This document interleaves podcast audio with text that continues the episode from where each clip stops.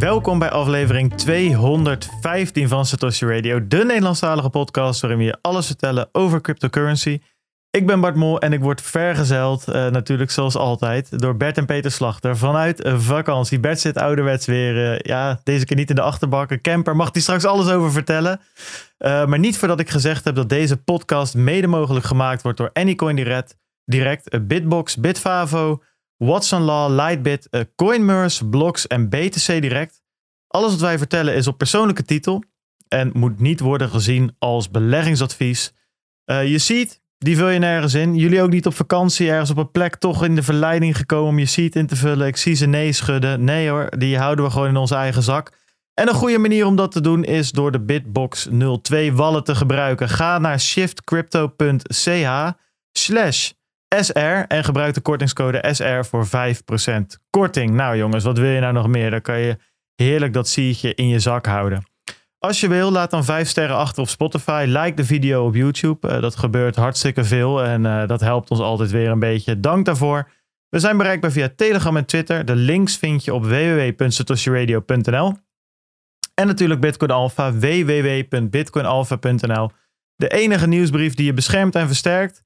Elke vrijdag weer een roundup. Morgen staat er ook gewoon weer één op de, op de planning. Ook al uh, zijn de mannen op vakantie. Dat uh, gaat gewoon door. Um, Bitcoinalpha.nl, ja, join de andere, ja, wat is het? Uh, pak een beetje 600 alfa's die elke week een prachtige nieuwsbrief.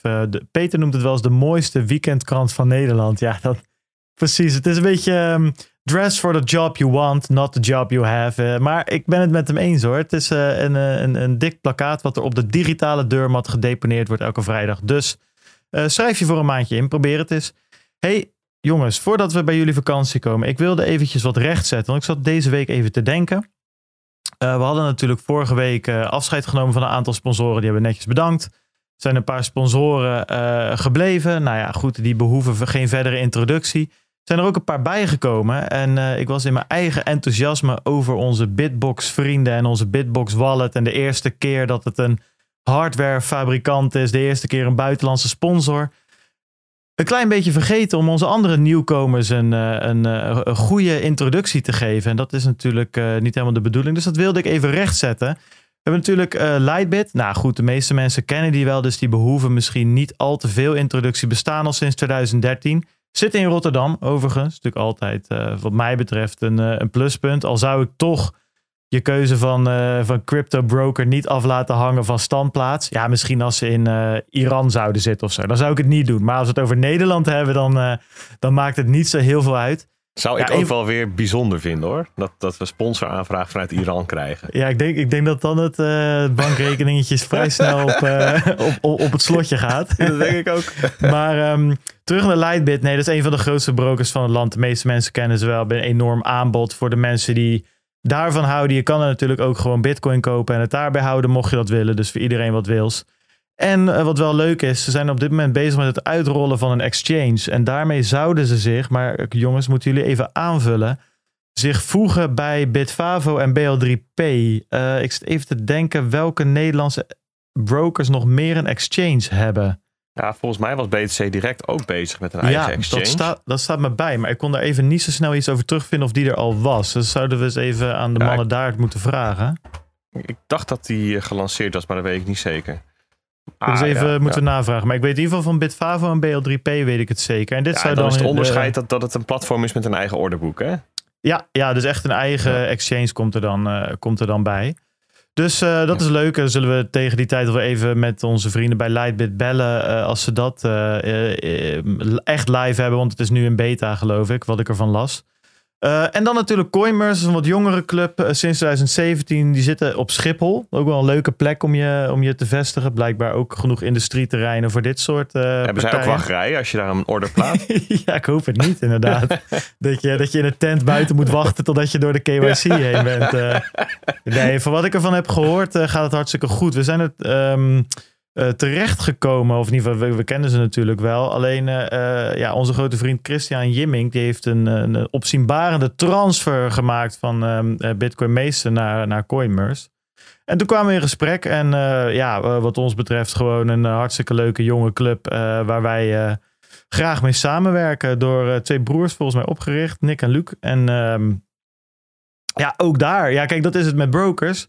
Je kan er crypto's kopen en, ehm, en bitcoin. Ehm, dus ook hier weer, als je gewoon bitcoin wil kopen, dan kan dat daar. Ze hebben een leerplatform op de website, dus genoeg eh, te bekijken. Neem er eens een kijkje, zou ik zeggen. En eh, ja, blij om eh, deze twee partijen er weer bij te hebben. Eh, kunnen wij weer een, eh, een jaar onbezorgde podcast maken. Dat is ook wat waard. Ehm, dus dat, dat wilde ik even rechtgezet hebben. Jongens, vakantie. Laten we daar eens even over gaan hebben. Jullie zitten er heerlijk bij, moet ik zeggen. Ik zie Bert enigszins moeilijk kijken. Ben je al ergens in de, in de fjorden beland of eh, hoe is het? Nee, nee, nog niet. Nee, dat ga ik ehm, eh, over een dag of twee, drie redden. Want we rijden eerst zo ver mogelijk naar het noorden toe. Ehm, en dan gaan we de Noorse kust van, vanaf het noorden, vanaf de Lofoten en de Vesterolen, gaan we die ehm, een beetje naar beneden toe volgen. Dus we rijden nu door Zweden omhoog. Eerst een paar dagjes in Zuid-Zweden gewoon even even in de vakantieritme komen. Weet je, daar is het ook lekker weer. Daar is het gewoon Ja, ja. warm aan een meertje, een beetje kano, een beetje suppen. En eh, nu, ga, nu zijn we dus naar het noorden aan het rijden. Dus ik zit nu in een of ander, eh, ja, eh, nou, gehucht is het niet, want ze hebben de 4G. maar de familie is boodschap aan het doen en eh, wij maken even een podcastje op de parkeerplaats. ja, nou ja, jongens, dat hebben we allemaal voor jullie over. Hè? Dat is echt eh, ongekend. En Waar hang jij uit, eh, Pedro? Ik, ik wou net zeggen dat gehucht ook wel een beetje, een beetje Zweeds-Noords klinkt. Gehucht. Ja. ja, jij hebt niet echt een, eh, niet zo'n Scandinavisch accent eh, stemmetje in, eh, in petto, hè Bart? Nee, vind ik wel. Ja, je kan, je kan een beetje de makkelijke van. eh, de bier, de knekken, bier. Maar ja, dat is ook een beetje dat je denkt van ja, Ja, daar schiet ook niemand wat mee op. Nee, nee, nee, nee. Dat, dat is toch, dat heeft nog niet status eh, boer uit eh, Zeeland. Maar ik zit in Frankrijk, heerlijk. Het is hier, ik zit in de Bretagne. Ehm, aan de Bretonse kust. Ik heb ook ge- geleerd dat ze hier twee talenbeleid voeren. Althans, er zijn nog mensen die hier een, een soort... eh, ja, ik weet eigenlijk niet wat vertaald is. Het lijkt een beetje op Schots. Schots, Ja, Engels, ja. Frans door elkaar. En er staan ook, eh, het staat ook in twee talen de verkeersborden en zo. Dat is wel geinig. Dus je hebt ook allerlei eh, lokale lekkernijen en zo die ik nog nooit gehad heb. En dat is hartstikke leuk. Het is lekker weer. Het is hier s'avonds lekker koel. Het lijkt een beetje op Zwitserland in de berg wat dat betreft. Het is hier wel heet overdag. Veel heter dan normaal. Dat zie je ook aan de beplanting. Het is, het is, het is hier groen en er staan veel bloemen. De hortensia is hier de, de, de streekbloem, zeg maar. Die, eh, ja, die gebruiken ze als een soort mascotte. Ehm, maar die hebben het wel zwaar. Maar de grasvelden die worden, die worden een beetje bruinig in plaats van groen. Dus eh, ja, het, is- het is een beetje vanaf Nederland en daaronder is het al echt al weken, ja, maanden eigenlijk best wel eh, lekker weer. Hè? Ja. En eh, dan komt nog de ene hittegolf naar de Nou, andere. lekker er weer. Het is, het is heter dan ooit volgens mij Ja, in Spanje en Italië en Dus, Frankrijk. dus, dus ik ben blij dat hier ook gewoon een zwembad beschikbaar is. Nee, als, het, als, het, als het echt te heet wordt, daar gewoon in gaan liggen. ja. Maar goed, lekkere plek, lekkere schaduw, joh. Het is hier prachtig. Maar ik heb een zonnebril, want het is zo pleuris. eh, het is echt fel om me heen. Ja. dus ik zit hierbij als een of ander. Nou, goed, ik weet niet hoe jij het noemde van tevoren. Maar ja, een beetje Escobar. Je moet maar eens even de YouTube aanzetten, mensen. Het is echt alsof hij de- daar de- eh, de crypto Escobar. zit of zo. Ah, ja. Ja. Ja. precies. Ja. ah, ik, ik, ik, ben onschuldig tot het tegendeel bewezen is. Zullen we het Ja, daarop houden? zo, zo is het. De Nederlandse eh, rechtsstaat is toch druk genoeg bezig met, eh, met, met je collega criminelen op dit moment. Dus je, je bent even in de clear, eh Peet. Ja, ah, gelukkig. Voor de rest nog ehm, hoogtepunten deze week? Nou, ja, mijn eh, hoogtepunt is eh, denk ik dat het aardig lukt om te ontkoppelen van, ehm, van, alle, eh, van alle ruis op de bitcoinmarkt. Ja. En op Twitter en zo. Ik heb mijn telefoon zelden eh, in mijn handen. En ik moet zeggen dat dat eh, me wel bevalt, eerlijk gezegd. Ik ben natuurlijk Ja. voor de show wel even de, de standaard voorbereiding gedaan. Maar dat is me toch een partijtje zuur allemaal. Oh. En uh, geloof ik ook dat de inflatiecijfers niet al te best uitvielen. Dus dat werd nog zuurder. Nou, daar Ja. hoorden we Bert misschien zo meteen nog wel even over. Maar ehm, ja, mijn hoogtepunt was om daar niet de hele tijd aan blootgesteld te staan. Nee, heel slim. Heel en goed. lekker een boekje te lezen. Ik heb gewoon een boekje. Echt, jongen, Judith die, eh, die gelooft zijn eigen ogen niet dat ik een boek aan het lezen ben. Ja, ik zweer het je, jongen. Even doorgaan ermee en voordat je het weet, eh, kijk je s'avonds geen tv meer, maar lees je boeken. Dat is echt ongekend. Of niet? Dat is in ieder geval wat ik heb gemerkt. eh. Maar daar komen we zo nog wel op terug. Want ik had dacht van ja, het is een beetje komkommertijd. Die jongens zijn op vakantie. Ik dacht, De Satoshi Radio Summer Reading List. Dus daar komen we straks nog op terug. Ik heb echt een berg aan, aan, aan leuke boeken die ik of heb gelezen of die op mijn eigen reading list staan. Heb jij nog hoogtepunten, okay. Bert? Nee hoor, niet, uh, niet specifiek. Ah, jongens, hebben jullie die webtelescoop niet gezien? Over hoogtepunten gesproken. Kom op, hé. Dat is toch een kijkje in, in, in nou ja, wat is het? Uh, kijkje in uh, 13 biljard, uh, jaar miljard jaar geleden. Ah, dat soort dingen mis je dus ook als je je telefoon gewoon niet Ja, pakt. Kom op, maar dat was letterlijk overal te zien. Ja, ik vind het, ja, ik weet niet. Ik word er wel echt wel warm De van. tv is niet, ik heb serieus mijn tv niet aangehad, mijn laptop niet en Ja, ook mijn telefoon niet. Nauwelijks. Zal- dit, dit soort breaking dingen zal ik volgende keer wel gewoon even die direct moet je naar je doorsturen eventjes, dan, eh, inderdaad. Ja, ja, even, even een- bellen. Een mention nodig. Ja. Ja, ik ben dus nog niet echt ontkoppeld. Want ik moest dinsdag nog voor, bij BNR inbellen voor de CryptoCast. Nu natuurlijk Ja. een marktupdate, morgen een alpha. Dus dat, ik denk dat het voor mij heel lastig wordt. Ik zou het ook graag willen, want het is inderdaad echt een ontzettend zure... ehm, vooral ook veel. Mensen die twitteren veel. Ik denk allemaal, joh... Waarom moet Ja. iedereen nou weer melden... de inflatie is 9,1%. Alsof we dat niet weten met z'n. Iedereen heeft er daarna nog een mening over. Joh, ga gewoon op vakantie of zo. Dat denk ik dan. Maar ja, ik, kan, ik heb ook een paar mensen gemute voor 31 dagen. Gewoon Nou, nou, die te veel, te veel ik, herrie zag maken. al, eh, ik, ik zag al op Twitter, eh, zeg maar, net, net eh, even in de voorbereiding het, eh, het signaal dat het echt te zuur wordt. Op, eh, en dat was eh, de tweet van Tuur de Meester dat hij weer een Twitter break neemt. Ja. Die kun je altijd wel goed gebruiken als indicator voor wanneer het op Twitter even, even niet oké is. ja, ik zei het ook nog tegen jullie eh, in de chat van de week. Of gisteren was dat volgens Ja, gisteren. Ik, had dus, ik werd gek ook van mijn Twitter feed, zeg maar. Er stonden eigenlijk geen dingen meer in waar, waar ik wat van leerde. Dus ik, had, eh, ik dacht ook eens van... ehm, hoe kan ik dat nou veranderen? Dus ik dacht, nou, ik ga het algoritme gewoon actief trainen. Want die dacht dat ik allemaal dingen leuk vond die ik niet leuk vond. Allemaal een beetje, alle, ja, een beetje die all caps, eh, hoe noem je dat? Ehm, ja, doemdenkerij over inflatie en eh, we- WEF en weet ik het allemaal. En eh, Klaus Schwab-achtige theorieën. Dus die heb ik allemaal gezegd van, vind ik niet interessant. En eh, dat algoritme leert best wel snel. Dus voordat je het weet, zit je feed eigenlijk vol met eh, interessantere eh, dingen. Dus dat werkt wel. Plus, eh, ik dacht van ja, ik wil wel gewoon het nieuws blijven lezen. Maar ik word ook. Ik wil ook van mensen die er blijkbaar iets van begrijpen of zo. Dus ik had, ja, goed, dat schijnt allemaal nog elitair te zijn. Maar ik dacht, ja, weet je, if it works, it works. Ik dacht, ik neem een abonnement op The Economist. En dat bevalt me tot nu toe best wel prima eigenlijk. Ehm, Wat leuk. ik ga het eens even een maandje proberen. Althans, ik heb voor een jaar gekocht, want dat was veel goedkoper. Ehm, dus ik ga het een jaar proberen eigenlijk. Maar ik ben wel heel benieuwd. En ik vond tot nu toe de artikelen die ze schrijven. Het zit net een beetje tussen ehm, FD en een, en een echt artikel in, zeg maar. Dus ze gaan iets dieper dan, eh, dan, dan, dan normaal. Maar ik, ja, ik moet zeggen, bevalt me prima eh, tot nu toe. Dus eh, dat, dat ja, kom ik later op terug op dit Ja, ik neem aan experiment. dat we zo nu en dan een samenvatting hier meekrijgen. Nou, ze schrijven best wel interessante dingen over de inflatie en zo. En ze- kijk, het ding is, ze hebben natuurlijk overal ehm, eh, redacteurs zitten. Dus je leest wat over Amerika. Je leest wat over de Amerika's. Dus Latijns-Amerika, Zuid-Amerika. Leest wat over Afrika. Heel artikel over Congo en eh, hoe dat nou met die kobalt eh, mining zit. Ja, kijk, op Twitter lees je telkens natuurlijk... ja, batterijen zijn slecht en worden alleen maar door kinderen uit de grond getrokken. En hier lees je van hoe het dan echt zit, zeg maar. En dat is inderdaad voor een gedeelte dat het slecht is, maar dat er ook nog wel andere kanten aan het verhaal zitten. Lees je opeens iets over Congo, lees je opeens iets over varkstrijders die tegenwoordig tourguides zijn geworden voor riviercruises. Ja, in Colombia weet ik veel waar, waar die vark eh, zat. Het is toch Colombia? Was het nou? De vark. Het is een terreurorganisatie. eh, ja, Colombia. Ja, lees je normaal niet. Vond ik interessant. Veel dingen over China, eh, veel dingen over tech, veel dingen over economie. Dus ik eh, hou jullie op de hoogte. Gaan wij even door naar de donaties. We hebben een donatie gehad van Marco. Marco Prima. Of is die, dat is natuurlijk niet meer... ja, dat was eigenlijk een me- meme van een maand geleden. Ik, weet Ja, ook niet mij het nu... ja, Ja, waar, komt opeens in mijn hoofd op. Ik, ik hoorde van de week hoorde ik het op een mainstream plek terugkomen. Was het radio of een nieuwslezer Ja, geloof ik, dat- bij dat NOS? betekent- al dat je al veel te laat bent natuurlijk. En ik, ja, Ja, het is- het nu zet ik mezelf neer als boomer. Eh, Precies, Ja. terwijl, ik, terwijl ik deze meme al honderd jaar... nou, anyways.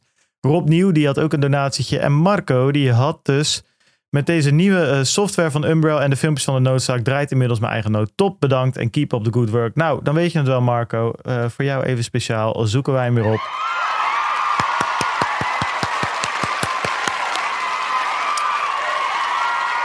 Een applausje. En eh, over de noodzaak gesproken. Hij staat online. Uh, een 20 uh, minuten durende video over DCA-strategieën. Het hoe en waarom. En hoe je dat het makkelijkst kan doen. In dit geval bij Bits van Bitonic. Ehm dan hebben we nog Connect the World om het intro-blokje af te sluiten. Ja, de, de, de, de titel is deze week A Lightning-Based Trading Engine. Ja, hoe zit dat precies? Aflevering 33 met Kevin Kai. Een beetje Cobra Kai moet ik meteen uh, aan denken. Dat is wel een goede serie ook hoor, mocht je het uh, vet vinden als je een beetje van de Karate Kid houdt. Uh, maar die werkt dus aan Collider. En Collider is een real-time settled derivative exchange. En dat zou dan op Lightning moeten werken. Uh, verder hebben ze het over het draaien van stabiele Lightning nodes. En ook over de to toekomst van Lightning. Leuke aflevering. Meer weten. Eigenlijk gewoon weer luisteren. Ga dan naar Connect the World op Spotify of op YouTube denk ik dat het tijd is om naar de marktupdate te gaan, uh, Bert. Dus denk ik ook wel op zich wel weer wat dingetjes gebeurd om eens even over uh, te praten. De chaos in de cryptomarkten komen we zo weer op terug. Althans, voor zover die er nog is, qua Celsius en dat soort dingen. Maar ik denk dat het qua inflatie uh, is er wel een en ander naar buiten gekomen. Maar ik geef jou gewoon het woord en dan, dan gaan we kijken waar we, waar we uitkomen. kijken waar het schip strandt. ja, toch? ja. ja, nee, lijkt me goed. Ja, kijk, uiteindelijk um, uh, wachten we daar al een paar weken op, hè, op die inflatiecijfers in de VS. Want um, deze maand, eind deze maand, um, over 27 juli, is er weer een nieuwe beslissing van het FOMC, de Fed Open Market Committee. En dat is het clubje Fed uh, governors die dan samen uh, bepalen wat nieuwe monetair beleid wordt. Is een renteverhoging, QT, weet je, allemaal dat soort dingen. En um, ja, kijk, de, de, grote. Kijk, ze hebben, ze hebben vorig jaar een fout gemaakt hè, bij de Federal Reserve, de Amerikaanse centrale bank. Ze hebben te lang gezegd. Ah, die rente, die is, of die, die, inflatie, dat is, dat is tijdelijk, dat gaat zo weer naar beneden. Ik kwam gisteren een hele mooie compilatie tegen van allerlei Um, dus mensen van de Fed en de, en de president Biden en, en weet ik wel, Janet Yellen, die allemaal achter elkaar zeiden: Nee, joh, maak je geen zorgen. Dat zijn allemaal uh, onheilsprofeten en zo, doemdenkers, complotgekkies die dat zeggen. Nee, joh, die inflatie gaat zo weer naar beneden. Toen hebben ze een fout gemaakt door te zeggen: Joh, we hoeven niks te doen. We blijven gewoon het gas diep intrappen. Terwijl um, je eigenlijk moet gaan remmen. Dat, is, dat is het verhaal. En, en, en die fout, dat, ze, ze, ze, ze, ze, ze, zullen nu kosten wat kost die fout herstellen.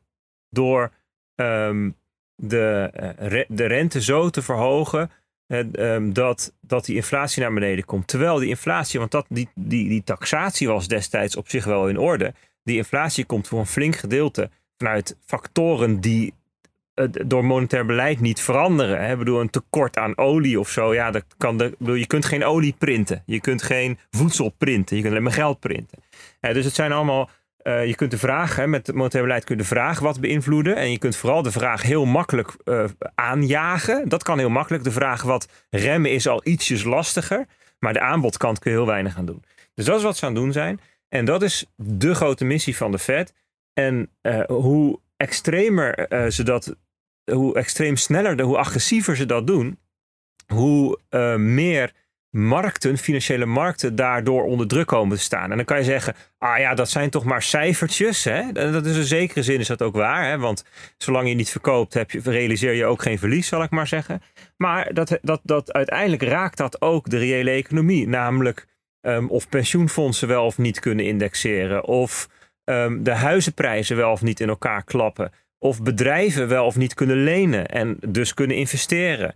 En als bedrijven als leningen aflopen en ze moeten tegen een veel hoger tarief gaan herfinancieren, kunnen ze zelfs eh, eh, eh, zeg maar echt in problemen komen. Mensen moeten gaan ontslaan of failliet gaan in, in het uiterste geval. Nou, en als, ze, als leningen niet goed worden terugbetaald, komen banken in de problemen. Dus ja, dat, dat zijn allemaal, allemaal tweede, derde vierde orde effecten van, zo'n, van het monetaire verkrappen, waar, waar de markten bang voor zijn en zeggen van dat is, dat is niet fijn. Nou, en, en wat heeft het vet gezegd? Wij gaan, wij gaan door totdat de inflatie materieel naar beneden komt. Totdat we zien dat de inflatie echt aan het dalen is. En um, uh, dus, dus kijken we ook elke maand naar die inflatiecijfers. En die was dus gisteren, gisteren woensdag 13 juli was de bekendmaking van de CPI-inflatie over de maand juni in uh, de Verenigde Staten. En daar was um, verwacht 8,9 procent. Vorige maand was het 8,8% en het werd 9,1%. Dus hoger dan verwacht. En dus eigenlijk constateert iedereen, nou de Fed gaat in ieder geval niet ehm, minder hard hiken, hè, dus minder hard die rente verhogen, minder agressief worden. Ze zullen op zijn minst even agressief blijven als ze waren en misschien er nog wel harder ingaan. Hè, want ja, het, gaat dus, het, gaat, het, valt dus tegen. Nou, nou is de Fed vooral geïnteresseerd in de samenstelling en het momentum van de inflatie. En niet per se het getal op zich. Hè, dus die kijken echt wel verder. En, maar, maar ook daar word je niet blij van. Hè, dus de, de, de maand-op-maand inflatie was 1,3%. Dus de prijzen waren in juni 1,3% hoger dan de maand uh, daarvoor. Ja, dat is, dat is pittig. En dat betekent ook dat, dat we waarschijnlijk de piek niet gezien hebben. Want de maanden die er uit, uit het jaarcijfer uh, uit gaan vallen, komende twee maanden, die waren vorig jaar behoorlijk laag. En dat is, dat is natuurlijk um, het tricky van zo'n jaar-op-jaar cijfer. En bijvoorbeeld juli vorig jaar was um, 0,5. Augustus vorig jaar 0,3. September vorig jaar 0,4. Dus alles wat je daarboven zit, komende drie maanden, maakt het jaarcijfer hoger. Nou, dat gaat dus zeker nog wel gebeuren. Dus in ieder geval voor de, voor de, uh, voor de, voor de krantenkoppen. Ja, het, zou, het zou best eens kunnen dat we nog nou, boven de 10 uit gaan komen. Dat is voor de krantenkoppen natuurlijk niet fijn. Hè? Um, maar goed, de Fed die kijkt op zich daar eh, ook naar. Zien we die maand op maand cijfers nou omlaag gaan? Hè? Dan is dat een voorspelling dat in de toekomst de jaar op jaar cijfers ook omlaag gaan. Um, en, en alleen die stijgen ze ook. Ze kijken ook naar de samenstelling van de inflatie. Hè? Is dat nou, zijn dat nou die hele volatiele componenten zoals energie en voedsel? Die vooral heel hoog zijn, en dat is ook waar. Of is het ook de core inflation? En dat is het stuk wat um, veel langzamer beweegt. Dat hè, dus, dus ook minder snel stijgt, maar ook langer hoog blijft. Dus sticky is, plakkerig. Nou, en ook die is 5,5 procent. Dus dat is echt heel hoog. Het hoogste pace, year-op-year pace sinds de jaren 80. En um, uh, Alfonso uh, macro, Bert, macro mag ik daar, 11 mag ik mag ik daar Ja. één dingetje over zeggen voordat we naar de macro 11 eh, eh, gaan? Ehm, is dat in Europa anders, die eh, samenstelling? Of is die core inflation in Europa ook zo, zo hard gestegen? Of is het in Europa wel een groter gedeelte, bijvoorbeeld gas?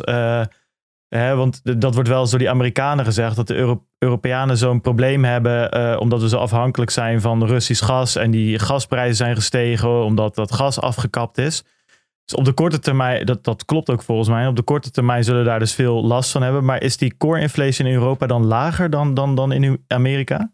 Ja, die is nog wel lager, maar ook stijgende. Ik geloof dat die ergens tussen de 3 en de 4 procent zat. Maar dat zeg ik even uit mijn hoofd. Ja. En bij ons is, het, is energie nog extreem veel ehm, eh, zwaar we- zwaarder wegend. Want onze uiteindelijke inflatiecijfers zijn hoger dan in Amerika. Maar dat komt dus dat er nog een grotere factor energie in zit. Dus dat klopt. Eh, in Europa hebben we inderdaad nog wel weer echt een ander soort probleem dan Amerika. Ehm, eh, de, zeg maar de, Europese, eh, de Europese aardgas bijvoorbeeld is nu een factor 4, 5 hoger of zo duurder dan in Amerika. Dus, het is, energie is hier echt, echt, echt een heel groot probleem. Ik wilde, als de tijd het toelaat, er straks nog even wat over zeggen. Maar ik denk echt dat we in Europa echt hele grote fouten aan het maken zijn daarmee. Maar daar komen we dan straks even, Ja, even op Macro terug. 11. Ja, Macro 11, Alfonso Pacacello, die zei van, die heeft onderzocht van ehm, de, eh, de items die, die in de CPI-mandje zitten. Het zijn er duizenden of tienduizenden, weet ik veel, een heleboel. 70% van die items heeft een, heeft een inflatie van 4% of hoger. En dus het is niet heel specifiek bepaalde onderdelen die heel zwaar wegen, die die inflatie omhoog trekken en de rest is allemaal oké. Nee, het is brede inflatie. Nou, dit zijn allemaal ehm, eh, argumenten voor de Fed om te zeggen, ja, dit is wel echt een probleem. Hè? De maand-op-maand inflatie is nog hoog, de, eh, de core inflation is hoog en het is een hele brede eh, spectrum van wat er allemaal duur is. Dus ehm, ja, al deze dingen overwegend, nou, dan ga je kijken naar hoe, wat, wat, wat doet de markt daarmee. Nou, wat we eigenlijk zien sinds gisteren is dat de yield curve definitief inverted is geraakt. Dat betekent dat de tweejaarsrente nu boven de tienjaarsrente staat. Hè. Die, die twee, tien, twee, tweejaars eh, op tien jaar. Je hebt ook nog naar drie maanden op tien jaar. Kijkt men ook naar. Dat, is, dat, dat geeft een wat acuter eh, beeld, hè, omdat het nog dichterbij zit. Ehm, en die staan nu geloof ik op min 0,3 procent. En het, het heeft al een paar keer net een beetje aangetikt. En dat zegt eigenlijk dat ehm, de markt op, op wat langere termijn verwacht dat de, dat de groei, de economische groei en de inflatie helemaal niet hoog zullen zijn. En op korte termijn verwacht dat de rente wel verder zal stijgen. En dat betekent, dat, dat, dat betekent vaak of stress of, of um, dus angst in de markt. Of dat er inderdaad agressief gehiked gaat worden. Het zijn verschillende krachten die daarop spelen. Um, en, en ook als je gaat kijken naar de, de, de, de, de Fed Funds Rate Futures, hè, dus de rente futures. Of je gaat kijken naar de euro-dollar curve. Wat je daar eigenlijk ziet is dat de markt nu zegt, wij denken dat de Fed de komende maanden nog agressiever gaat hiken, sneller gaat hiken. Um, er, wordt nu, er is nu zelfs een kans van 80% dat de komende renteverhoging 100 basispunten is in plaats van 75. Maar de markt zegt ook, we verwachten dat het hoogtepunt ligt in december 22.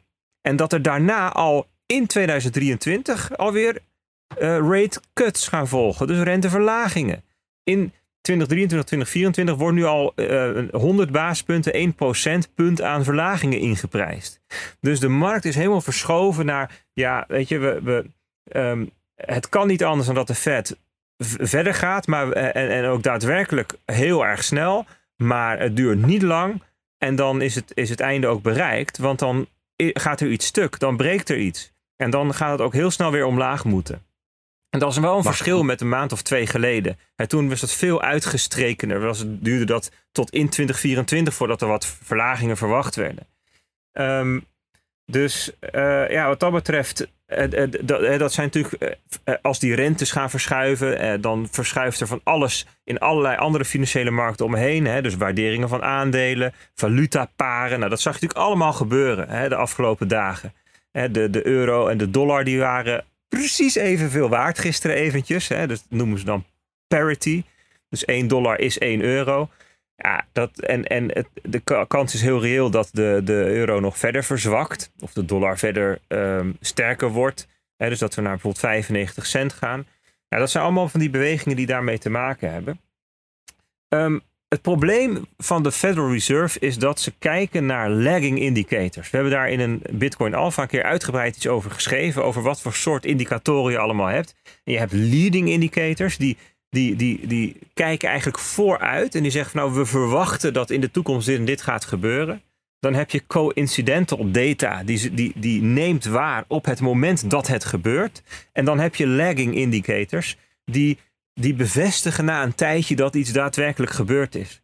Nou zijn er een paar lagging indicators, zoals de inflatie is een lagging indicator. Inflatie is een gevolg van iets wat in de economie gebeurt economische groei zelf, dus GDP growth, de groei van het bruto nationaal product, eh, de omvang van de economie, is ook een lagging indicator, omdat het pas heel uh, zeg maar na het kwartaal bepaald wordt en ook pas een stuk daarna gepubliceerd wordt. En bijvoorbeeld unemployment, dat is ook een belangrijke voor de Fed, hè, want dat is hun tweede mandaat. Werkgelegenheid is ook een lagging indicator. Als je gaat kijken naar de economische cyclus, dan zie je dat, dat, dat als het economie uh, de economie op zijn dieptepunt is hè, en, en, en de beurzen alweer stijgen en de recessie al begonnen is, hè, dan, dan gaat daarna pas die, die unemployment, uh, hè, dus de werkloosheid naar maximaal. De, de werkloosheid die piekt nadat de recessie al afgelopen is. Dus als je gaat wachten tot je, die, dat je die werkloosheid echt ziet oplopen, zegt van nou, jongen, jongen, jongen, ja, dat gaat wel de verkeerde kant. Dan zit de lichte recessie vaak alweer achter je, weet je wel. Dus de dingen waar de Fed naar kijkt, dat zijn de dingen, ze sturen in de achteruitkijkspiegel. Nou, heb, ik heb een camper hier. Daar zit ik nu in. En um, die heeft zo'n achteruitrijcamera. En die kan je dus aanzetten tijdens het rijden. Dat is best leuk. En dan kan je namelijk, achter je heb je twee van die strepen. En dan kan je proberen op te rijden door op je achteruitrijcamera tussen de strepen te blijven. Ik heb dat een tijdje gedaan, even gewoon omdat het leuk is. Maar dat is best lastig. Want je ziet eigenlijk veel te laat dat een bocht is begonnen. Nou, dat is eigenlijk wat de vet doet, maar dan nog veel verder in de achteruit kijkt. Deze man heeft kinderen in zijn camper, hè? Even voor duidelijkheid, uh, mensen. En een vrouw. Ja, die vonden het allemaal ook een leuk spel. Ja, nee, precies. Die keken wel vooruit. Die, die, die zeiden van, oh, precies, ja, oké. Okay, ja, ja, die zitten, die zitten met van die, van die extreme uh, tienpuntsgordels en airbags die staan al opgeblazen. zwemvesten aan, snorkel in de mond zitten ze in de... Ja, ja. precies. En nu, nu, nu, denk je misschien van... Nou, oké, dus dat betekent eigenlijk dat de Fed die zal pas tevreden zijn met wat ze hebben gedaan als het eigenlijk te laat is. En dat is eigenlijk de, de, de consequentie van waar zij naar kijken. En dan kan je, daar kan je wel wat over op reflecteren. Je kunt zeggen van ja, maar dit zijn toch hele geleerde mensen. Dit zijn allemaal professoren in de economie. De, die, die maken dit soort. Die, die, die, die, die rijdt toch niet een achteruitkijkspiegel. Um, en daar kan je twee dingen over zeggen. Enerzijds, wat Nassim Taleb zegt, is zeggen het zijn intellectuals yet idiots. En ze zijn daadwerkelijk intellectueel, zijn um, uh, het best geschoold in de economische theorie wat je, wat je kunt vinden op aarde. Maar het zijn idioten, want ze, hebben geen, ze zijn niet geworteld in de realiteit. Ze, ze zijn ook niet uh, echt onderhevig aan het gevolg van hun mening. He, ze kunnen, um, en dan ga ik, ja, laten we dat voorbeeld meteen er maar even bij pakken. Ik lees even een stukje voor. Um, Federal Reserve Chairman Ben Bernanke told Congress on Wednesday he doesn't believe the economy will slip into a recession and rejected the notion raised by his uh, predecessor Alan Greenspan that e economic expansion, which started in late 2001, could be running out of steam. Ben Bernanke in 2007, maart 2007, zei: joh, die economie gaat niet in de recessie. Wat gebeurde er ietsjes later, in oktober 2007, tot en met uh, uiteindelijk najaar 2008, de Great Financial Crisis brak uit. Wat gebeurt er in 2009? De grote econoom, professor op Stanford, professor op Princeton, Ben Bernanke, wordt uitgeroepen tot Person of the Year 2009 door Time. Dus je hebt hier iemand die, die de meeste titels hebt die je kunt bedenken. Die zegt, nee joh, dat is echt onzin. Die uh, economische groei, dat, dat, uh, dat neemt niet af. En we krijgen, er zit, komt geen recessie aan. Hij kan dat soort dingen, en dat zijn nog veel meer, veel meer dingen die hij gezegd heeft... waarvan je achteraf kunt zeggen van, ja... Kijk, als je ook maar één vinger in het water had, had je gevoeld dat het anders zat. Het maakt niet uit wat, wat hij daarover vindt uiteindelijk wordt hij gewoon person of the year. Met andere woorden, hij heeft geen skin in the game. Hij wordt niet, zijn reputatie staat niet op het spel. Je kan als centraal bankier in principe gewoon doen en laten wat je wil. En je wordt toch wel person of the year. Dat is zeg maar de hele cynische blik die van um, uh, uh, de, de, intellectual yet idiot à la Nassim Taleb. Het, de andere kant, en dat is meer optimistisch of constructieve blik, is dat je zegt van ja, um, wat de centrale bankiers hebben gedaan de afgelopen uh, decennia, is um, dat hun woorden, hun, hun, hun persconferenties onderdeel zijn geworden van het instrumentarium wat ze hebben. Door, te, door dingen te zeggen, beïnvloeden ze de economie. Omdat mensen gaan handelen naar wat ze zeggen. Alleen al door te zeggen. Ik bedoel, in, er is hier in Europa nog geen enkele renteverhoging geweest. Hè? Maar er wordt alleen maar gesproken over renteverhogingen. En, en, en dat heeft al effect. Kijk maar naar Italië en Duitsland, het renteverschil. Weet je wel, dus um, die woorden zijn heel belangrijk geworden. Ze, kunnen daarmee allerlei feedback loops veroorzaken, bewust. En het probleem is dat ze daardoor ook niet meer precies kunnen zeggen wat ze echt vinden omdat ze dan, omdat hun woorden dan die kracht missen. Dus ze kunnen pas zeggen wat ze echt zien als ze klaar zijn. Want als ze te vroeg dat zeggen, ze zeggen van nou, het gaat de goede kant op. Stel dat ze dat zeggen, dan denkt de markt, oh, ze stoppen met verhogen. ze kunnen niet zeggen het gaat de goede kant op. Ze moeten agressieve taal blijven hebben tot ze klaar zijn. Want anders dan werkt het niet meer, weet je wel. Dus, dus met andere woorden, ze zitten ook een beetje vast erin. Dat zou de optimistische blik zijn. Maar in ieder geval komt het erop neer dat centrale banken in de achteruitkijkspiegel aan het um, uh, hun, hun beleid aan het maken zijn. En nou, dat is waar we dus nu mee te maken hebben. Uh, de, de, de economie, eigenlijk alle financiële markten, die geven aan, jongens, een recessie. Die is er al.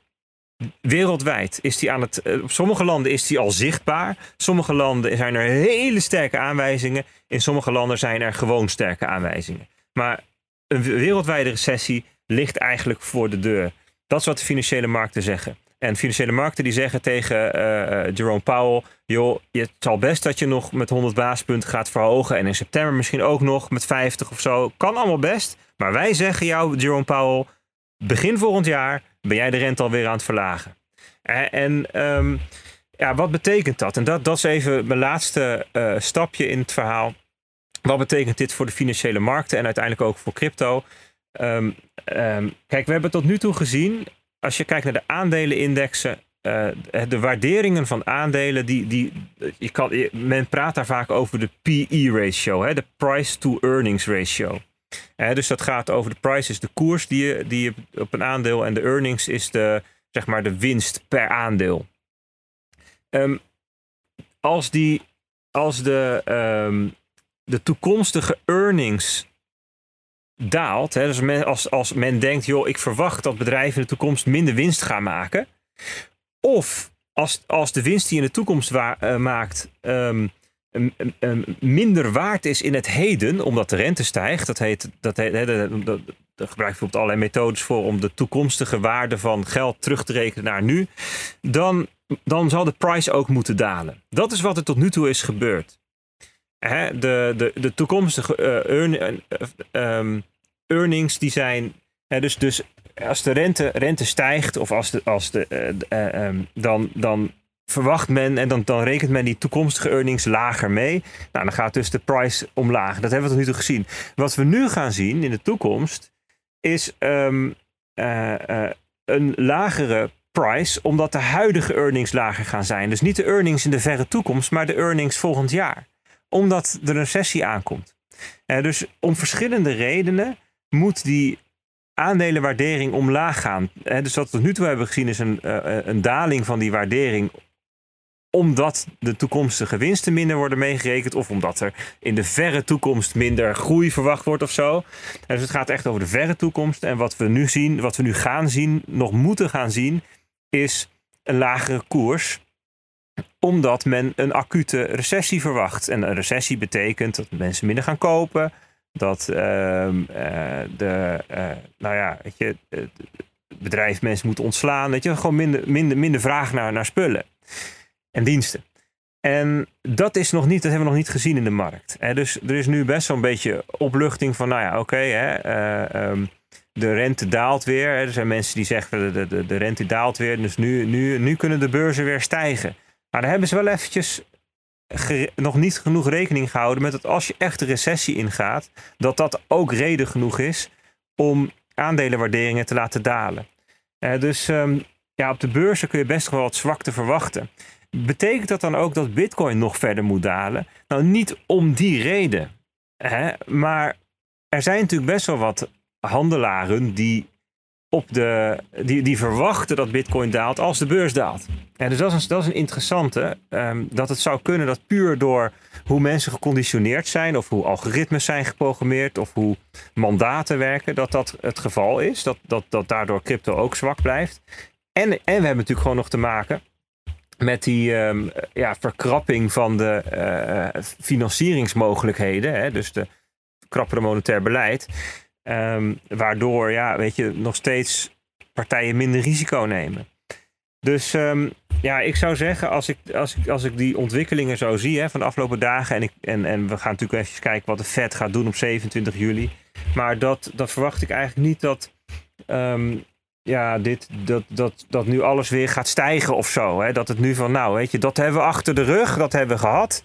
Um, nu, nu is het klaar. Nee, ik denk inderdaad dat, dat, dat, um, uh, dat de komende renteverhoging stevig zal zijn, in september ook. En dat we echt nog wel een paar maanden van zwakte krijgen, ook gewoon voor crypto. Uh, dus dit blijft gewoon, het, eigenlijk het, het verhaal van de afgelopen maanden blijft uh, reëel van jongens. Um, het is, het is, dit, dit, ja, dit, is, dit zijn typische bearmarktomstandigheden. Hè. Er, is, er, is, um, er, er, moet gewoon even wat tijd overheen gaan. En nou ja, we gaan zo meteen Bart heeft een hele mooie uh, lijst met wat er allemaal, wat, wat de bosbrand allemaal gedaan heeft. Ja, dat zal allemaal moeten uitspelen. Weet je, mensen moeten uh, de, de, de, doorkrijgen dat het. Dat, ja, goed, met bosbranden kan het zijn dat het af en toe weer even oplaait, weet je wel. Nou ja, dat zal ook nog wel weer gebeuren. Dus um, ja, mijn verwachting is um, dat, dat we dat, ja, ze zeggen wel eens sell in May and go away, but remember to come back in September. Dat is een oude beurswijsheid. Ja, ik weet niet. Um, ik verwacht in ieder geval niet dat in de komende maanden er een nieuwe boelmarkt begint of zo. Dus toch echt, uh, ja, de, hou, hou er gewoon rekening mee dat het echt nog een paar maanden zwak blijft allemaal. Nou, dat... Uh, nou, ik, ik, ik heb nog wel even een, uh, even een vraagje aan uh, ja, Bert. ik ook, Ten maar eerste even stap, stap jij af. Complimenten voor de, voor, voor de audio, Bert. Dit is, dit is nog Ja, ik kom in een soort trance. Een soort ASMR inderdaad. Ja, aan de dit- ene dit- kant horen we, horen we doem, doem en verderfenis. En aan de andere kant een Japans beekje of zo. Zo'n Japanse ja, tuin. Je hoort, Ja. je hoort het druppelen van de regen Oh, zo echt? op de camper. ja, Het, ja. heeft, het heeft wel iets meditatiefs. Dus Mag ze vaker doen, ja. diep ja. ontspannende setting dit. Dit is, eh, dit is wel de manier om gewoon eh, ja, hele slechte berichten eh, voor je kiezen te krijgen. Precies. Ja, Er is is nog een bonsaitje erbij of zo. Of zo, zo'n de lotusboom of whatever. maar ehm, ja, hè, over, ehm, ik, ik vind dat beeld van een trein die ons spoort eh, altijd wel aardig als je het over economie hebt. Dus ik hoor jou praten en, en ik hoor eh, in plaats van een, een trein die aan het afremmen is, dus die rijdt op een muur af. En de muur betekent alles gaat naar de kloten. Ehm, hè, hoor, ik hem, hoor ik eigenlijk allemaal dingen ehm, waardoor je kunt zeggen hij is aan het versnellen. Eh, en dan wordt die rente straks nog harder verhoogd en nog harder verhoogd. En die trein komt er alleen maar dichter bij die muur. Ik weet niet of je, of je het verhogen van de rente kunt zien als het naar de trein toe halen van de muur. Maar eh, gewoon even voor het beeld. Eh, er werd altijd gezegd, ah, het komt, eh, komt goed, soft landing. Weet je wel, die trein die stopt, stopt vlak voor die muur. Wat is er nog over van die soft landing? Eh, eh, Ja.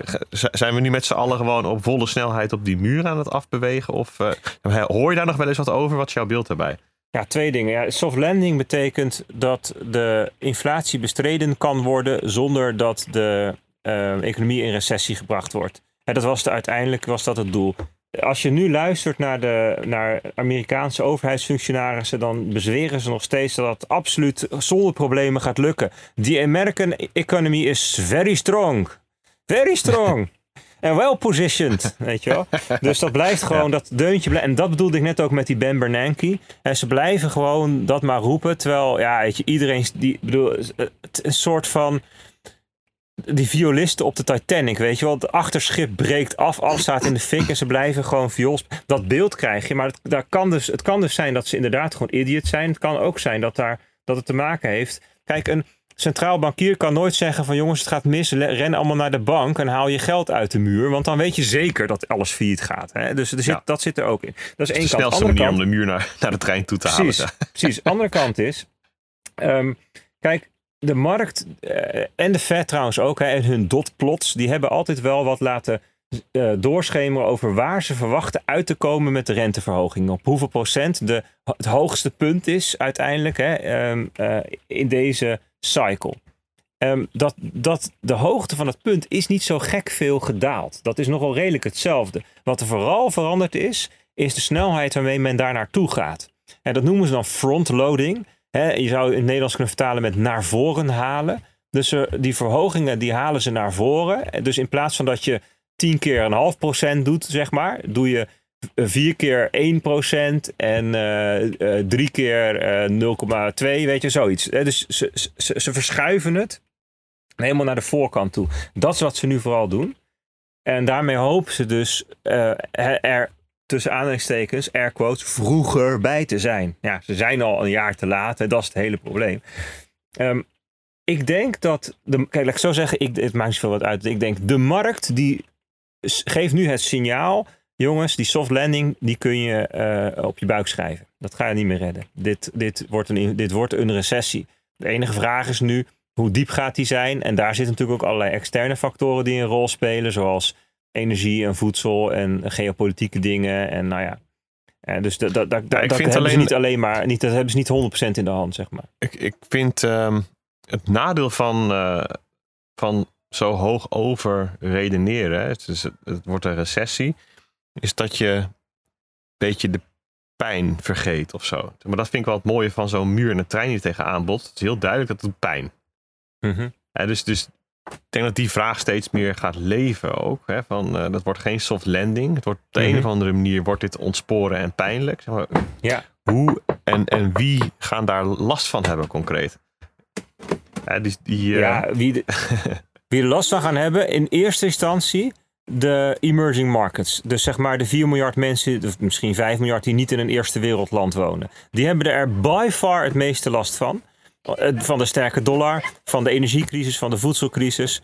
Ehm, hun, hun munten, eh, zeg maar, hun import wordt duurder, want het moeten ze afrekenen in dollars. Hun schulden worden duurder, want die zijn vaak genoteerd in dollars. Dus die landen hebben er met grote afstand het meeste last van. Nou, binnen de eerste wereldlanden, dus binnen Europa, Japan, Australië, Canada, Amerika, weet je wel.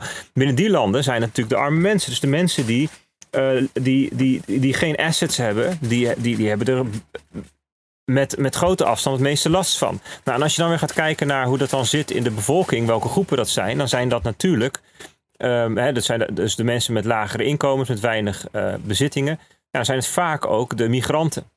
dus, dus het zou ook nog wel weer voor allerlei, laten we zeggen, uh, schisma's in, in de bevolking kunnen zorgen. Hè? Dus splijtingen, dus groepen die tegenover elkaar komen te staan. Kijk, boeren, boerenprotesten, truckers in Canada, boeren in Nederland. Dat, zijn nog, dat is natuurlijk nog redelijk. Ja, het is natuurlijk wel een specifieke groep, maar het is wel een soort doorsnede. Er zijn ook best wel veel boeren miljonair. Ik geloof het meeste van, uh, van alle beroepsgroepen. Er zijn ook heel, ongetwijfeld veel arme boeren en links en rechts en zo. Dat is nog redelijk door. Maar stel nou eens dat je in Amerika de de, de, migranten hebt die tegenover heeft, of de, de, de, de, de Afro-Americans, de black community, die tegenover de, de witte komt te staan of zo. dat zijn natuurlijk wel hele gevaarlijke uh, mogelijke ontwrichtingen van maatschappijen. Nou, in Europa speelt natuurlijk nog iets anders. Dat je ook nog het zuiden tegenover het noorden kan hebben. Dus de landen. Ja, want Europa is echt een shitshow. Dat is echt ongelooflijk hoe wij het voor elkaar krijgen om bestuurlijk zo ontzettend te falen met de aanpak van het energieverhaal. Alleen al hoe we Poetin rijk maken met die hele dure uh, sancties. Terwijl we er zelf onszelf in een hoek hebben gezet. Ja, het is echt ongelooflijk. En dan en maar doorgaan met die energietransitie waarvan we nu al weten dat het gewoon niet kan. Puur omdat de infrastructuur niet klaar voor is.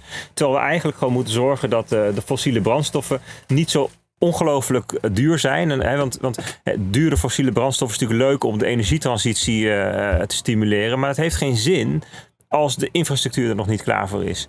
Uh, dus het, ja, weet je, aan alle kanten wordt er, wordt er uh, geklooid en geblunderd door de ECB, door de, door de, door de overheden. En, en, en een mogelijke uitkomst is ja, dat hier um, zeg maar Italië en France tegenover Duitsland en France komt te staan. Ja, dat zou natuurlijk dramatisch zijn.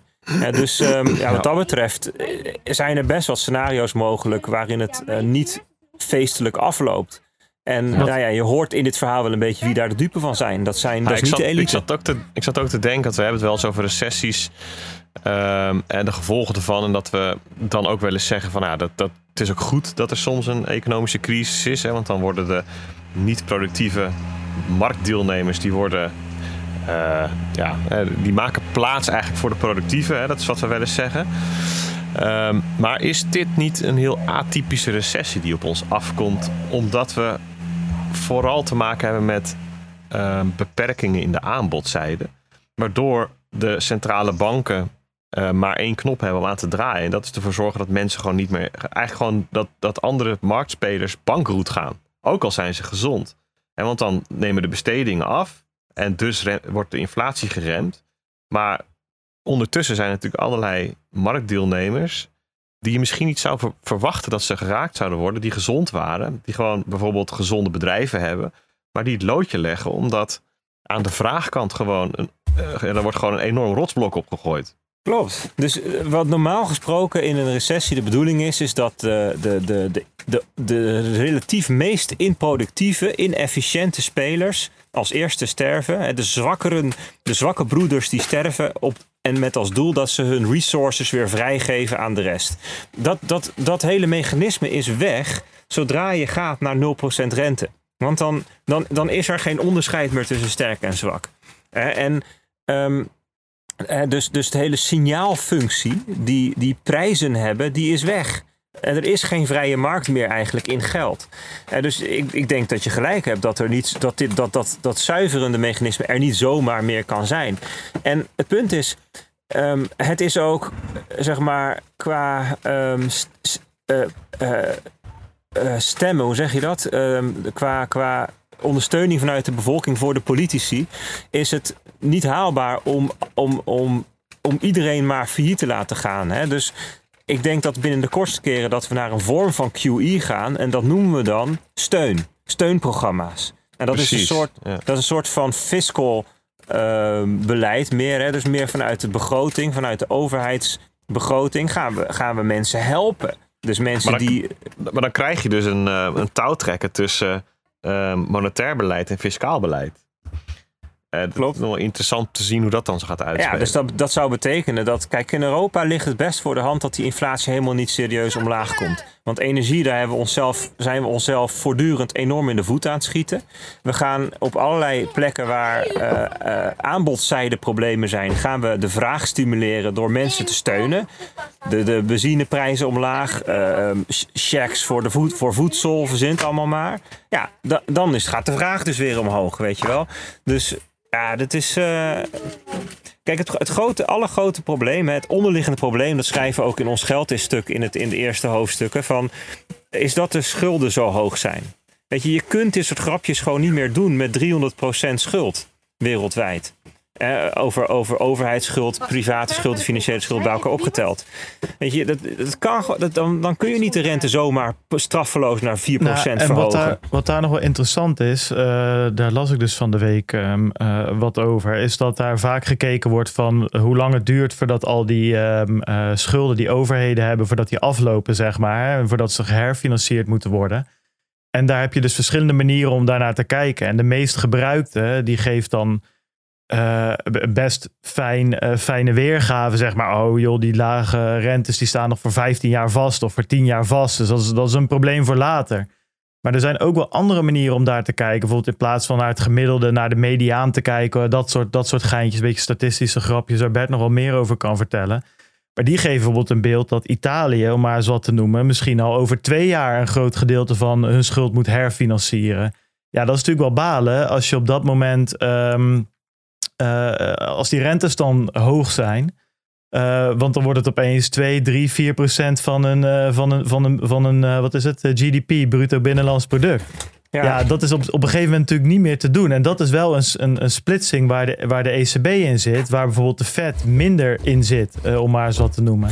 Ja, ja maar, het is het, maar wat, in, wat in, in Amerika net zo goed speelt als hier. Kijk, je hebt helemaal gelijk, Bart. Het is veel te kortzichtig door, om alleen maar naar herfinanciering te kijken. Want er zijn twee andere dingen ook. Eén is dat als de overheidstekorten oplopen, namelijk door allerlei steunprogramma's, dan moet dat gewoon ter plekke worden gefinancierd. En dat gaat in Amerika geloof ik nu al om uh, 6, 7 procent of zo tekort wat ze dit jaar moeten financieren. Dat gebeurt gewoon tegen de huidige rente. En ja, tweede precies. is, er zijn allerlei um, rentes in de economie die uh, rechtstreeks afgeleide zijn van de, de, de, de tienjaarsrente zeg maar, van, de, van de overheid. Neem bijvoorbeeld de hypotheekrente. Dus in Amerika zie je nu al dat, dat, de, dat de hypotheekrente naar een procent of 5,5 is of zo. Ja, succes met die huizenprijzen die op recordstanden staan. En dat geldt in Nederland ook. Ik zag gisteren, 10 jaars rente, um, uh, als je 100% financiert, is 4, zoveel procent in Nederland 4, alweer. 4,6 of 4,7 of zo. Als ik Echt? hetzelfde product zou afnemen als precies een jaar terug, dan uh, had ik toen 1,72 voor 20 jaar vast annuïteit. En dat zou nu 4,6 of zo worden. Ja, en het punt is, de huizenprijzen zijn wel ietsjes gedaald. Ik geloof 5% of zo in Nederland. Nu net een klein topje zie je. Maar dat is natuurlijk helemaal, het zou eigenlijk 50% gedaald moeten zijn. Als je puur kijkt naar wat mensen kunnen betalen op basis van de rentestand van nu. Uh, dus, dus, dus dit, dit, dit, het feit dat de rente hoog is, dat, dat, dan is dan, dat heeft zo ontzettend veel tweede, derde orde effecten ook in de economie op allerlei plekken. Dat is. Dat, is, uh, ja. dat gaat pijn doen, ja. Ja, nou dan gaan we dat gewoon in de, in de gaten houden. Wil ik nog even één dingetje erbij zeggen. Die boeren die miljonairs zijn, het gaat dan wel vaak om, om gorte gespecialiseerde apparatuur die gewoon een miljoen kost. Die je heel moeilijk weer om kan zetten in centjes. Een of andere combine of zo. Of een of andere graanmachine of tulpen, automatische tulpenplukker, weet je wel. Dus dat, uh, voor, voordat we straks zelf boze boeren voor de deur hebben. We snappen dat dat uh, op papier misschien miljonair is, maar uh, in het echt misschien niet. Buiten dat, ik heb ook bij zat boeren gewerkt. Dat waren echt inhalige, smerige graaiers die en dure machines hadden en een miljoen die, die, die wel gewoon op de, op de bank stond. Maar goed, laten we die uh, rabbit hole uh, even dicht laten. Ik denk dat het tijd wordt om dan eventjes um, even gewoon een vriend van de show te gaan bellen. Wat denken jullie? Laten we dat maar eens even, even ja, gaan doen. Wie hebben we deze week uh, te pakken? Ja, zo, zo, werkt dat niet, deze aankondiging. Oh ja, dat, mag die, ja. mag diegene zelf zeggen. Maar het is wel leuk, we hebben hem een tijdje niet gesproken. Dus deze week bellen we eventjes met... Hey, Sebastiaan hier, founder van Wordproof en uh, chairman of the Trusted Web. Ja, nou, dat was een, mooie intro. Uh, Hoe gaat het met je? Net terug van vakantie uh, zag ik op Instagram, zag er heerlijk uit. Ik was daar bij een jaarlijkse meditatietrip. En nou, ik kwam helemaal zen de laatste dag van die trip in. En toen werd ik gebeld dat mijn puppy ziek was. Dus ehm, meteen naar huis gevlogen. En nou, de, die lag er niet goed bij, op de IC zelfs. Maar we zijn nu vier dagen verder en een wonder is gebeurd. Ehm, ja, waar ze hem vrijdag echt een kleine overlevingskans gaven. Dus het was echt de slechtste nacht van mijn leven.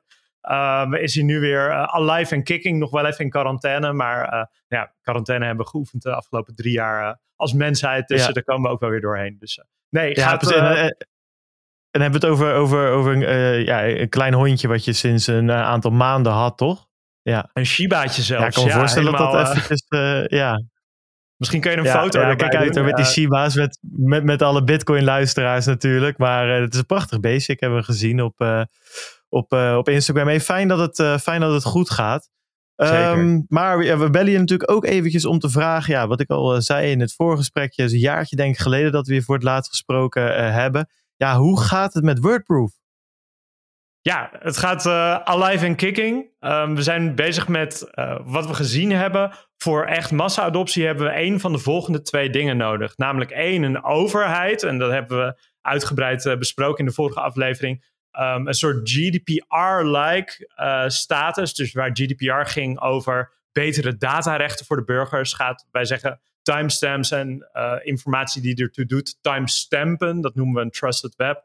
Uh, dat zijn ook betere rechten voor burgers, want je kan zien bij wie informatie vandaan komt, hoe die veranderd is over tijd. En wat wij zeggen, hoe wij bijvoorbeeld Europa opleiden, is um, voor informatie die je leven beïnvloedt, moet je timestamps gebruiken. Want ja, dat zijn simpelweg betere burgerrechten. Dus enerzijds overheid, anderzijds een zoekmachine of big tech die rewards levert. Dus alles wat wij zien, dus een reward kan zijn, als je timestampt, kom je hoger in de zoekresultaten.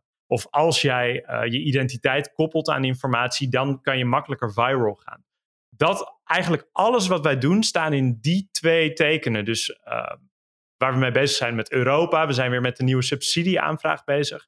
Uh, om echt, nou ja, niet alleen financiën, maar juist ook die buy-in van Europa te krijgen. En anderzijds, maar daar zullen we het zo over uh, hebben, hebben we allemaal stappen gemaakt op het vlak van, nou ja, in die zoekmachinewereld. Daar is zoveel gaande momenteel. En nou ja, we worden op allerlei congressen over search uitgenodigd om te vertellen. En het is wel heel mooi, dat blockchain verhaal, dat resoneert daar enorm. Dus dat is ook wel heel erg ja, nee, dat was inderdaad goed dat je het, uh, goed dat je het zegt. Want de vorige keer dat we elkaar spraken, weet ik nog, toen, toen hebben we het er ook over gehad dat er een aantal grote um, ja, publishers, zeg je in het Engels, uitgevers in het Nederlands, gebruik te, begonnen te maken van WordProof in een, in, in een pilot of, of in, een andere, in een andere vorm. Je zegt het zelf al, nou, er is van alles gebeurd. Ja, wat is er verder gebeurd dit jaar? Wat zijn de grootste ontwikkelingen, de grootste milestones voor WordProof geweest?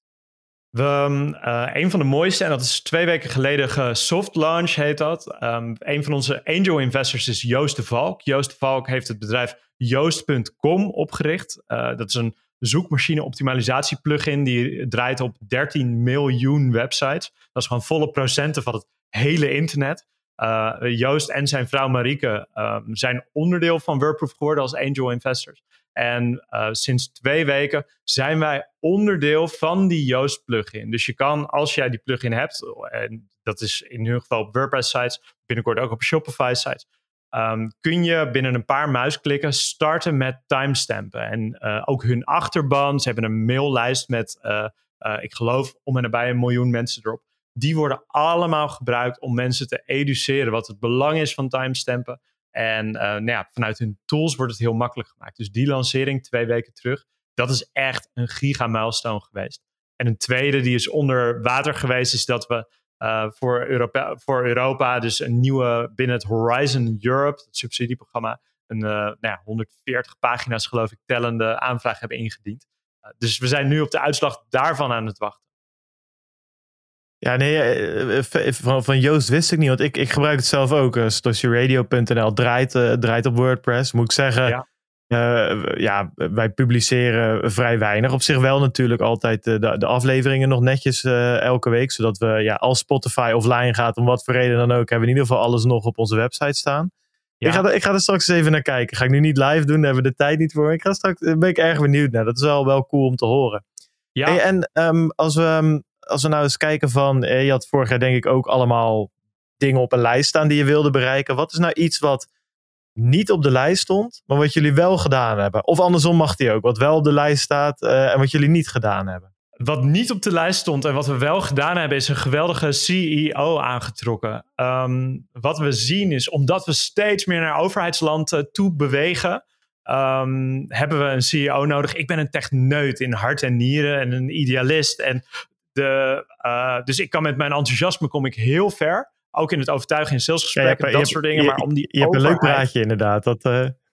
nou ja, dat is mijn hobby en mijn werk. Maar wat je ziet om bij overheid voet aan, de aarde, voet aan de grond te krijgen, heb je iemand nodig die die wereld op zijn of in ons geval haar duim kent. Uh, Marloes Pomp, een uh, bekend gezicht in uh, blockchain en innovatie in Nederland, die is nu CEO bij Wordproof geworden. Dus zij staat naast mij en samen, ja, zij kent die overheidswereld op haar duim. Dus we vormen daar een heel goed team in. Dus ik had dat een jaar geleden nog niet verwacht, maar het voelt zo logisch om met haar samen te werken. dus dat is, dat is wel een van de milestones die we niet voorspeld hadden, maar ja, die een hele mooie stap vooruit is. En andersom, dan wil ik, daar hebben we nu ook nog tijd voor jou te antwoorden goed kort. Dus uh, wat, wat, wat, stond er wel op de lijst en is niet gelukt? Het lijkt wel een telefoontje. ja. wat wij, uh, we, zijn, we, we, zijn, we zijn bezig met de integratie in de zoekmachine. Echt een kleine zoekmachine die ons gaat labelen. Um, ongeduldig als ik ben, had ik verwacht dat die al lang, dat al lang live zou zijn. Dat staat nog op de rol voor dit jaar. Uh, maar daar zijn we, uh, it's work in progress. Uh, Dus het gaat komen, absoluut. Maar um, nou, het is er nog niet. terwijl ik wel verwacht had dat we dat in Q2 zouden lanceren. Terwijl, ja, het is nu juli. Dus ik zit um, ongeduldig. Ja, it's work in progress. Maar ja, het gaat komen. Ja, precies, precies. Het gaat komen. Nou, dat, dat is goed om te horen. We houden dat in de gaten en stuur maar een berichtje als het er is. Dan, dan zullen we daar zeker verslag van doen. For sure. Hey, en um, ja, als laatste, uh, daar kunnen we best nog even over, uh, ja, over toewijden, zeg maar. Of, um, ja, hoe verder? Uh, je hebt een CEO. Um, ja, jij zelf nog steeds. No, no, hoeveel meer mensen werken er op dit moment nog? we hebben een head of product, we hebben een head of development, we hebben nog een developer erbij. Dus um, het is een heel team. We hebben head of strategy ernaast staan. dus yeah. nee, we zijn, we zijn een. Er zit een heel team achter. Ja, en buiten die zoekmachine-integratie waar het over had, hè, want dat is natuurlijk iets wat dan, uh, dan, dan op de roadmap staat. Uh, ja, misschien iets verder naar, misschien naar de middellange termijn of lange termijn zelfs. Van, hoe, hoe, hoe kijk je daarnaar? Wat, wat, uh, wat is de stip op de horizon waar je naartoe werkt? Of, Daar, of misschien, en op de middellange termijn, hè, als we over een jaar hè, elkaar weer spreken in de podcast, hè, wat, wat, wat zou je dan zeggen? Van, nou, dan is het wel echt geslaagd hoor, als we daar staan. De, nou, kijk, eh, er gaat veel afhangen van Europa. Want als wij Europa winnen, dat zou gaan om. Ik weet helemaal niet of ik dat mag zeggen, maar ik zeg het gewoon. Maakt niet uit. Uh, dat zou gaan om 2,4 miljoen. En we hebben een andere partij die dat verdubbelt op het moment dat we die binnenkrijgen. Dan ja. kunnen we heel veel doen. Dan kunnen we veel gaan doen met policymaking, met een lobby. Dan kunnen we uh, allemaal. Uh, je, je, kan dan heel veel gaan doen met events en ja. bewegingen voor elkaar krijgen. Anderzijds, wat op de roadmap staat en wat niet helemaal van Europa afhankelijk is, content is, of content als een NFT, wat je kan doen. Een timestamp is slechts, uh, slechts een vingerafdruk die uh, ja, in een transactie, blockchain transactie, of dat nou Bitcoin, Ethereum, whatever is. Je kunt daar veel verder in gaan op het moment dat alle content een NFT is. Nou, een NFT content, websites kunnen verkocht worden. Zo kan content ook verkocht worden. Een NFT is een veel rijkere manier dan slechts uh, om informatie op te slaan. En een transferable stukje informatie versus een timestamp wat slash een fingerprint is. Dus we zijn volop visie aan het ontwikkelen over hoe een NFT content nog rijker kan representeren. Omdat uh, in een blockchain wallet een timestamp zetten. Nou ja, je kunt een identity aan een blockchain wallet hangen. Dat is een eerste stap. Maar een NFT kan veel rijker ook de revisies. Echt, dus de revisies. Wie heeft waaraan gewerkt? Wat zijn de rechten van die informatie. Dus we zien langzaam, en de technologie is daar nog lang niet schaalbaar genoeg voor, maar dat je, ehm, je kunt veel meer gaan representeren als je een NFT eraan toe gaat voegen. Dat is nog niet schaalbaar genoeg. Ja. Met een normale timestamp en een identiteit daaraan. Dat die dingen gaan. Het een gaat niet het ander vervangen. Ze gaan allebei hun eigen use cases krijgen. Uh, maar Ja, ik ben- ik ben en ook. Ja, precies. Dus die, maar die visieontwikkeling, dat ligt nu allemaal klaar. Is ook onderdeel van het Europa-plan. Maar daarin gaan we de komende kwartalen eh forse stappen maken. Nou, ik, ik, eh, we moeten maar eens een hapje gaan eten. Want ik wil graag horen hoe het eh, NFT-stuk eh, eh, precies gaat werken. Dat is. Ik, dat luisteraars, ik, eh, ik weet er al een paar te zitten die denken: NFT's, NFT's. Wat is dat nou weer? Wat heeft dat met timestamping en Bitcoin te maken? En hoe, hoe zit dat? Nou goed, daar wil ik het wel eens, eh, wel eens eh, onder het genot van een lekker drankje over hebben. Dus dat, eh, nou goed, dat moeten we maar eens af gaan spreken. Verder voor nu in ieder geval weer super bedankt, Sebas. Echt eh, altijd leuk om je te spreken. Leuk om te zien dat het goed gaat. Ik wens je alle succes in Europa. Ja, Laat dankjewel. weten hoe het gegaan is ook eh, trouwens. Want die beslissing zit er dan ook aan te komen. Stuur even een berichtje en Ja. dan, dan nemen, we dat, nemen we dat mee. Voor nu bedankt. Spreek elkaar snel. En take care. We zien elkaar snel en uitnodiging geaccepteerd voor het eten drinken. Ja, is goed. Joe, joe. Bij de show. Ai. Nou, dat was eh, onze grote vriend eh Sebas. eh, Sebastian van der Lans van Wordproof. Fijn dat het allemaal goed gaat. En eh, we gaan hem binnenkort wel weer een keer spreken. Nou, wij hebben intussen even een kleine plaspauze gehad. Bert die zit weer op de weg met zijn camper. Ja, heeft zijn, eh, zijn, zijn gigabytes even aangevuld. en eh, jij als luisteraar merkt er allemaal niks van. Maar eh, had wat voet in de aarde. Maar als het goed is, zeg ik even met een slag om de arm, werkt het allemaal. Eh, maar ja, ik zal zo, ik heb in de chat al gestuurd. Dat, ken je dat gifje van die, dat is echt een van de oldschool memes van die Duitse gozer die volgens mij Unreal Tournament aan het spelen is. Ja, en die heel ja, zijn dat- eh, toetsenbord dat daar kereltje. gort. Ja, scheisse, scheisse zit hij daar. Ja, zo zit ik straks ook weer te editen. Ik had vorige week ook weer wat dingen die out of sync liepen. Ach en, eh, nee, joh, gaat helemaal goed komen, joh. Gaat Ja, dat is ook zo. En voor de mensen die, die YouTube aan het eh, kijken zijn, dat, dat Bert nu weg is, hij is niet gecrashed. Hij is gewoon veilig in zijn campertje. Nee, dat is juist veilig inderdaad, inderdaad. Ja. Hij is juist, eh, het feit dat hij weg is, betekent juist dat hij veilig is eigenlijk. Hij was ook niet aan het rijden terwijl hij een podcast aan het opnemen was. Was allemaal niet waar. Nee, nee, precies. Dat is allemaal stoerdoenerij. Zelfs, zelfs onze bed maakt zich daar soms schuldig aan. Eh, zullen wij eens gewoon eens even lekker de Satoshi Radio Summer Reading List eh, erbij pakken? Ja, vertel, wat heb je uit, je uit de hoge hoed getoverd? Nou ja, ik dacht, kijk, we hadden het al een paar keer, heb ik het nou over de Psychology of Money gehad. Ik, het lijkt alsof ik een reflink heb voor dat boek, maar dat is helemaal niet waar. Maar er waren weer een paar mensen in de chat die zeiden, ik ben er gaan lezen en ik vond het een leuk boek. Dus toen dacht ik van, misschien is het in deze komkommertijd wel leuk om eens eventjes 10 minuutjes eh, te besteden. Er staat hier in de, in, in de show notes 155 minuten. Nou, dat, dat gaat een klein beetje ver. Dat is- ik pas hem Ja, even ik, aan. ik, ik dacht al, joh, je gaat het hele boek voordragen of ja, zo. precies. Een soort van storytell wordt het dan.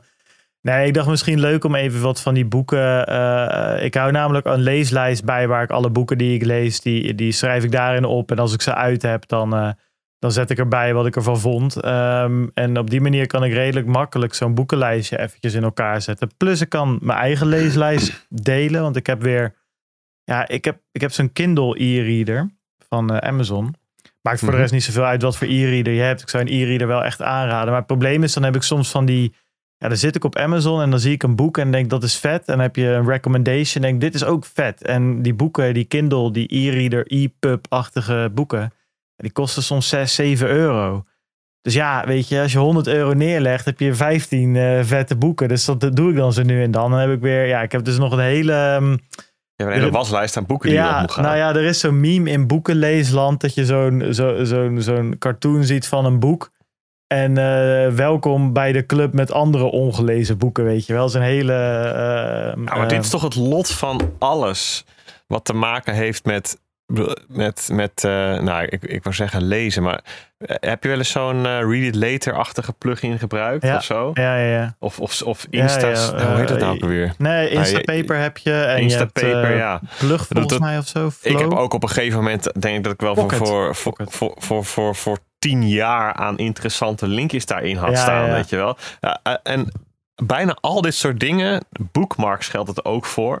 Ehm, zelfs tot aan mijn Twitter bookmarks aan toe. Dat worden gewoon bakken met Ja. informatie die gewoon wel interessant is. Maar gewoon te, te groot, compleet uit de klauwen groeien. Om er nog iets, eh, iets mee te kunnen doen. Het Ja, wordt zo'n onneembare berg Ik ben het aan helemaal met je eens. Moet ik wel zeggen dat zeg maar voor de podcast en voor de alfa vind ik het wel fijn, fijner werken. Omdat het dan gewoon gedurende de week maak ik er een soort sport van. Om alles wat ik op Twitter of ergens anders langs zie komen waarvan ik denk, oké, dit is ook maar matig interessant, gooi ik daarin. En dan op woensdagavond of donderdagochtend voor de podcast vroet ik daar gewoon doorheen. En dan kom je altijd wel op leuke tweetjes en memes en linkjes en dingen uit. Ja. Maar als het gaat om, om artikelen die je nog echt moet lezen, ja, dan ben ik het helemaal met je eens. Dat is echt amper. ehm, Dat geldt voor. RSS-feeds bijvoorbeeld ook. Ja. Zo'n RSS-reader. Bijna iedereen met zo'n reader die, eh, die wel eens op het scherm tovert, dan staan er ik veel 11.000 ongelezen artikelen of zo.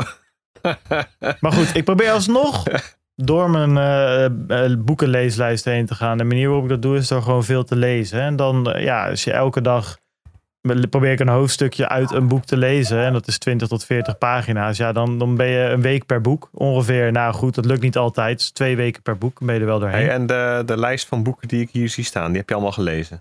Eh, nou, ik heb een aantal, ik heb er drie onder elkaar. Ik heb eh, drie lijstjes. Ik heb één lijstje met boeken die ik daadwerkelijk gelezen heb, die ik uit heb. Eh, dus die ik daadwerkelijk ook aan kan raden. Nou, daar staat dus de Psychology of Money op van Morgan Housel. Vond ik vet, lees heel makkelijk weg. Is gewoon een boek met tips over hoe om te gaan met geld. Hoe om te gaan met emoties die bij geld komen kijken. En hoe om te gaan met buffers. Hoe om te gaan met investeren.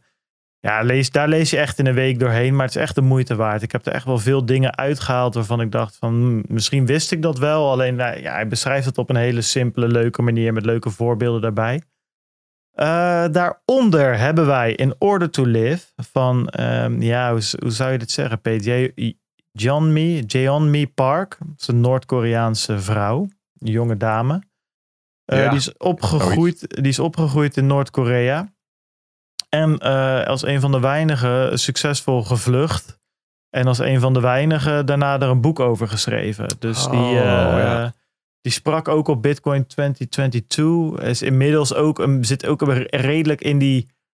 eh, in dat clubje. Ik moet zeggen dat ik ja, er tegenwoordig niet echt meer heel erg eh, mee kan identificeren met haar tweets of zo. Whatever. Het is redelijk eh, ja, radicaal conservatief. Maar dat snap ik ook wel als je weer kijkt waar ze vandaan komt. Anyway, haar boek is nog steeds super interessant. Het is een van de betere boeken die ik vorig jaar gelezen heb. Puur omdat het een inkijkje geeft in een wereld die volledig gesloten is voor ons.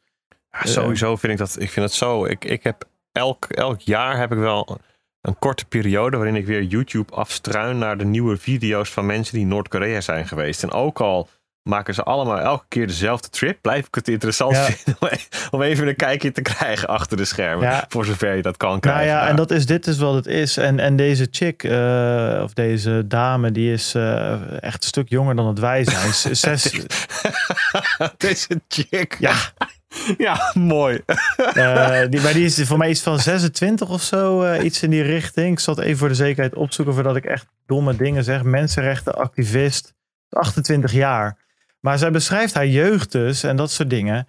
En het lijkt echt alsof je een boek van een een of andere... ehm, eh, iem- iemand die eh, zijn of haar jeugd in, in, in, eh, net na of voor de Tweede Wereldoorlog beschrijft of zo. Dat land dat loopt zo achter. Het is gewoon geen elektriciteit. ja, echt een heel interessant boek. Ik zou het gaan lezen. Ehm, Is zoals je ja, nee, valt mee. En het is ook het is een biografie, dus dat is. eh, ehm, Ja. eh, het eerste gedeelte gaat vooral over haar ontsnapping en haar jeugd. En daarna gaat het over daarna, wat ook wel interessant is. Want toen komen ze in Zuid-Korea terecht in een eh, heropvoedingskamp. Althans, nee, trouwens, eh, sorry, dat, dat zeg ik helemaal verkeerd. Het is, geen her, het is gewoon een vluchtelingenopvangcentrum. Ja, maar her, heropvoeding in de zin van om die Noord-Koreaanse leer Ja. er een beetje uit te krijgen, zeg maar. Maar heropvoeding. dat- heropvoeding Ja, dat is dat- wat dat- minder dat- rooskleurig. Dat, Ja, dat- dat, in China. Ja, precies. Maar dat is niet wat het is. Maar ja, aan de andere kant natuurlijk ook enigszins wel. Alleen dan met een meer positievere noot. Maar zoals ook naar China gevlucht. En daar belanden ze natuurlijk in de prostitutie. Net als alle Noord-Koreanen die daar naartoe vlu- vluchten. Echt wel een eh, Oh. eh, eh, sick verhaal. Ehm, volgende op de lijst. Too Big to Fail. Ja, dat is wel echt een dikke. Daar moet ik, moet ik heel eerlijk bekennen. Daar, daar moet nog, die moet ik nog steeds uitlezen. Ik ben op de helft. Dat gaat over... eh, ja, dat is een soort van als je, alsof je een serie van de eh, kredietcrisis zou maken in Amerika in 2008. Eh, alleen dan in boekvorm. Dus dit is bijvoorbeeld die Bernanke, waar Bert het net over had. En alle Jamie Dimon en alle hoofdrolsp echt een soort van House of Cards-achtig boek. Die uitlegt vanuit binnenuit wat daar gebeurde. En ja, dat is wel sick hoor. Want je had daar volgens mij de... ehm, Was dat Bernanke? Of eh, de- er was...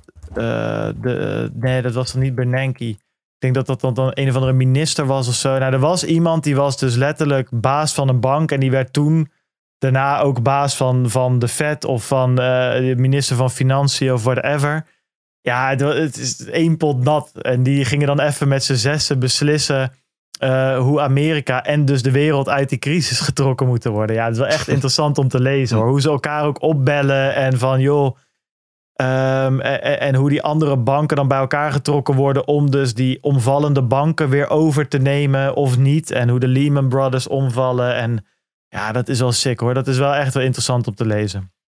Eh, volgende op de lijst, de Block Size War. Eh, dat is eigenlijk het enige echte Bitcoin boek op de lijst. Ja, ik hou ervan om boeken te lezen die net wat buiten dat bubbeltje. Ik, ik zit al zo in die Bitcoin bubbel. Eh, ik lees de boeken ook wel, maar ik vind ze vaak ook niet echt fantastisch of zo.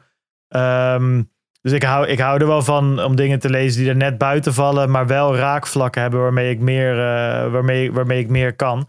Eh, dus de Block Size War gaat over de Block Size War. En dat is echt wel een interessante gebeurtenis in de geschiedenis Ja, van Bitcoin. zeker. Dus die zou ik, zou ik nagaan. Even een boekje van Bert nog. Anti-Fragile van Taleb. Behoeft geen verdere introductie. Die zou ik gewoon gaan lezen. Eh, dat is voor iedereen leuk. Eh, de Power Law heb ik. Eh, Sebastian Mallaby ben ik nu aan het lezen. Gaat over hoe venture capital opkomt in Amerika en daarna in de rest van de wereld. Echt wel interessant. Ook in een verhalende vorm. Even kijken hoor. The Changing World Order van Ray Dalio heb ik er nog op staan. Een redelijk nieuw boek. Als je hem voor de helft hebt gelezen, dan ben je eigenlijk wel klaar. Want daarna is het elke keer hetzelfde. Maar die helft is wel erg interessant.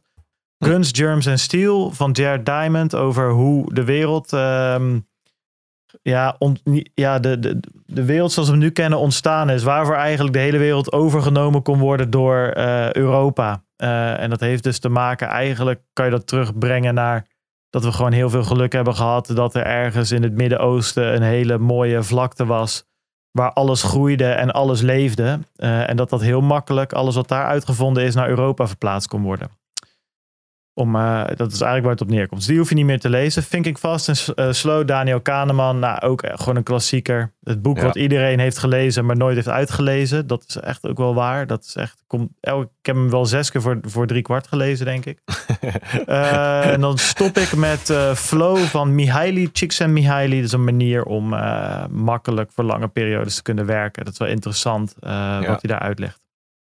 Ja, dit is, dit- zijn achternaam is zo'n tongbreker. Ik weet dat eh, wel op kantoor, de, volgens mij heeft hij meerdere boeken geschreven over persoonlijke organisatie en zo. Ja, dat is een moeilijke. Maar Mihaly, Csikszentmihalyi. Csikszentmihalyi is het. Het leukste boek dat ik dit jaar gelezen heb is eh, The Three Body Problem. Dat is een trilogie, science fiction. Die, echt, iedereen aan wie ik die aanraad, eh, die zegt een half jaar later van dat was echt fucking vet. Dus ga die sowieso lezen. Hm. Jij bent totaal aan het lezen van Marcel van Roosmalen, zie ik.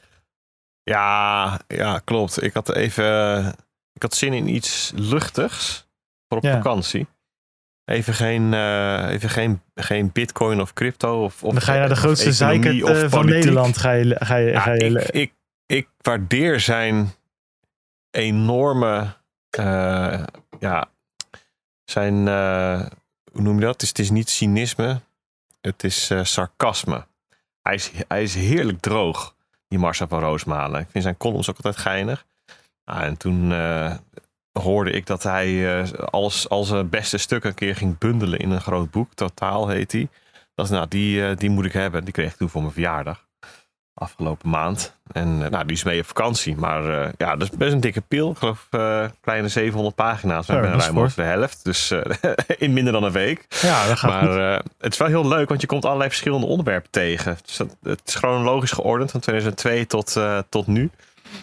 En ja, best wel, het is wel geinig om dat soort dingen dan even te herbeleven vanuit zijn perspectief. Ja. Maar je moet inderdaad wel van zijn humor houden.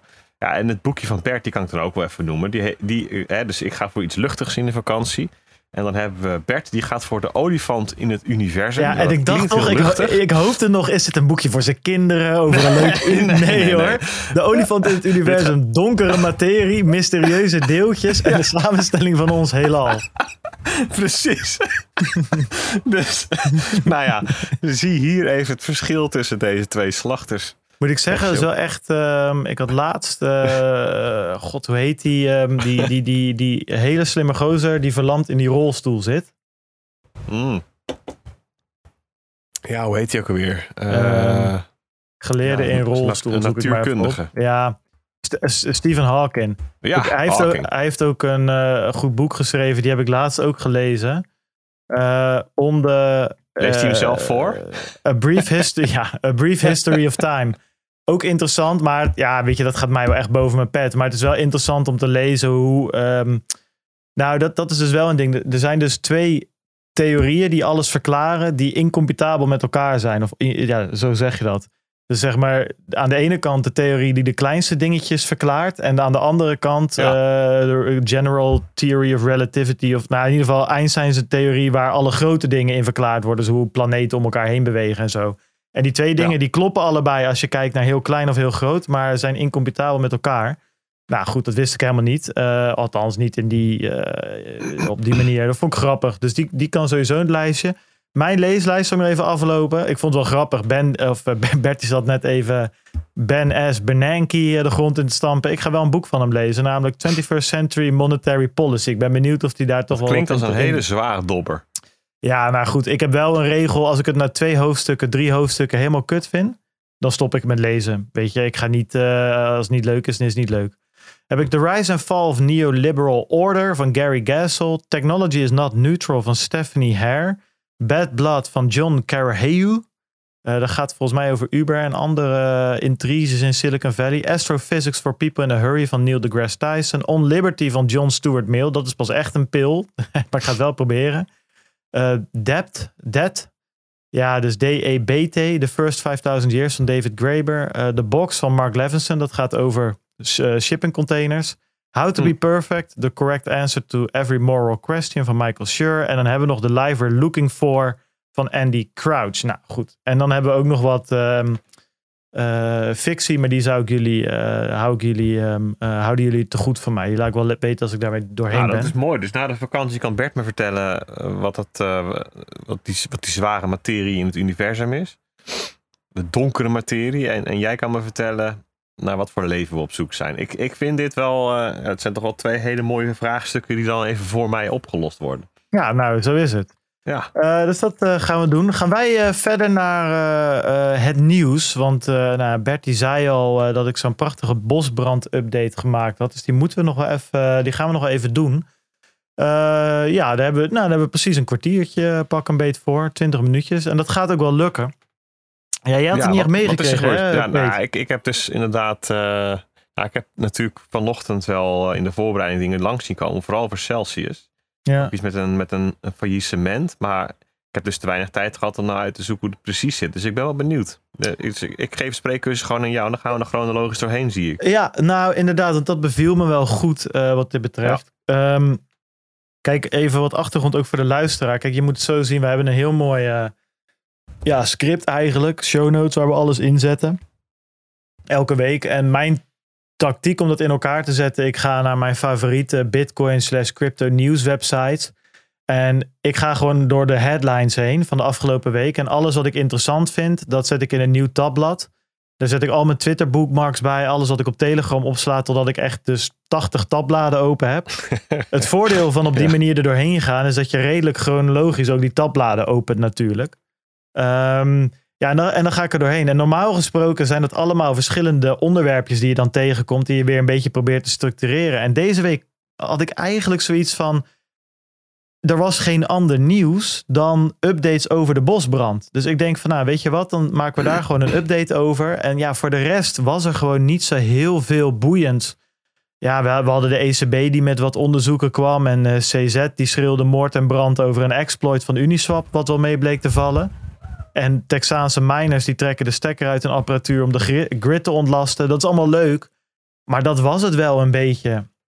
Um, Behalve die bosbrand. Daar kwam dus wel weer heel veel nieuws over naar buiten. Dus ik dacht, weet je wat, we geven gewoon weer een update. Net als vorige week. Omdat dit toch wel weer het belangrijkste nieuws was, denk ik, van deze week. Eh, en die kunnen we gewoon mooi chronologisch doen. Omdat het anders ook niet eh, goed te duiden is, zeg maar. Omdat dingen, ja, eh, uiteindelijk eh, eindigde het natuurlijk met het faillissement van Celsius. Ja, goed, dan is eigenlijk alle andere dingen die ik ga vertellen misschien niet relevant. Terwijl ze dat wel zijn. Vandaar chronologisch. Heel goed. 7 juli beginnen we. Precies vorige week donderdag. Ik schrijf hier, de week begon goed voor Celsius, want men betaalde een lening die ze hadden op MakerDAO, dat is een, een DeFi-platform, betaalden ze af. Waarom is dat belangrijk? Nou, eh, dat soort leningen, daar staat altijd een, een, een collateral tegenover, hè? Een, een onderpand. Ehm, en dat was in dit eh, geval Was Eh, niet 25.000 BTC of zo? ja, die wrapped bitcoin waren dit inderdaad. Ja. En dat had een waarde van 440 miljoen dollar.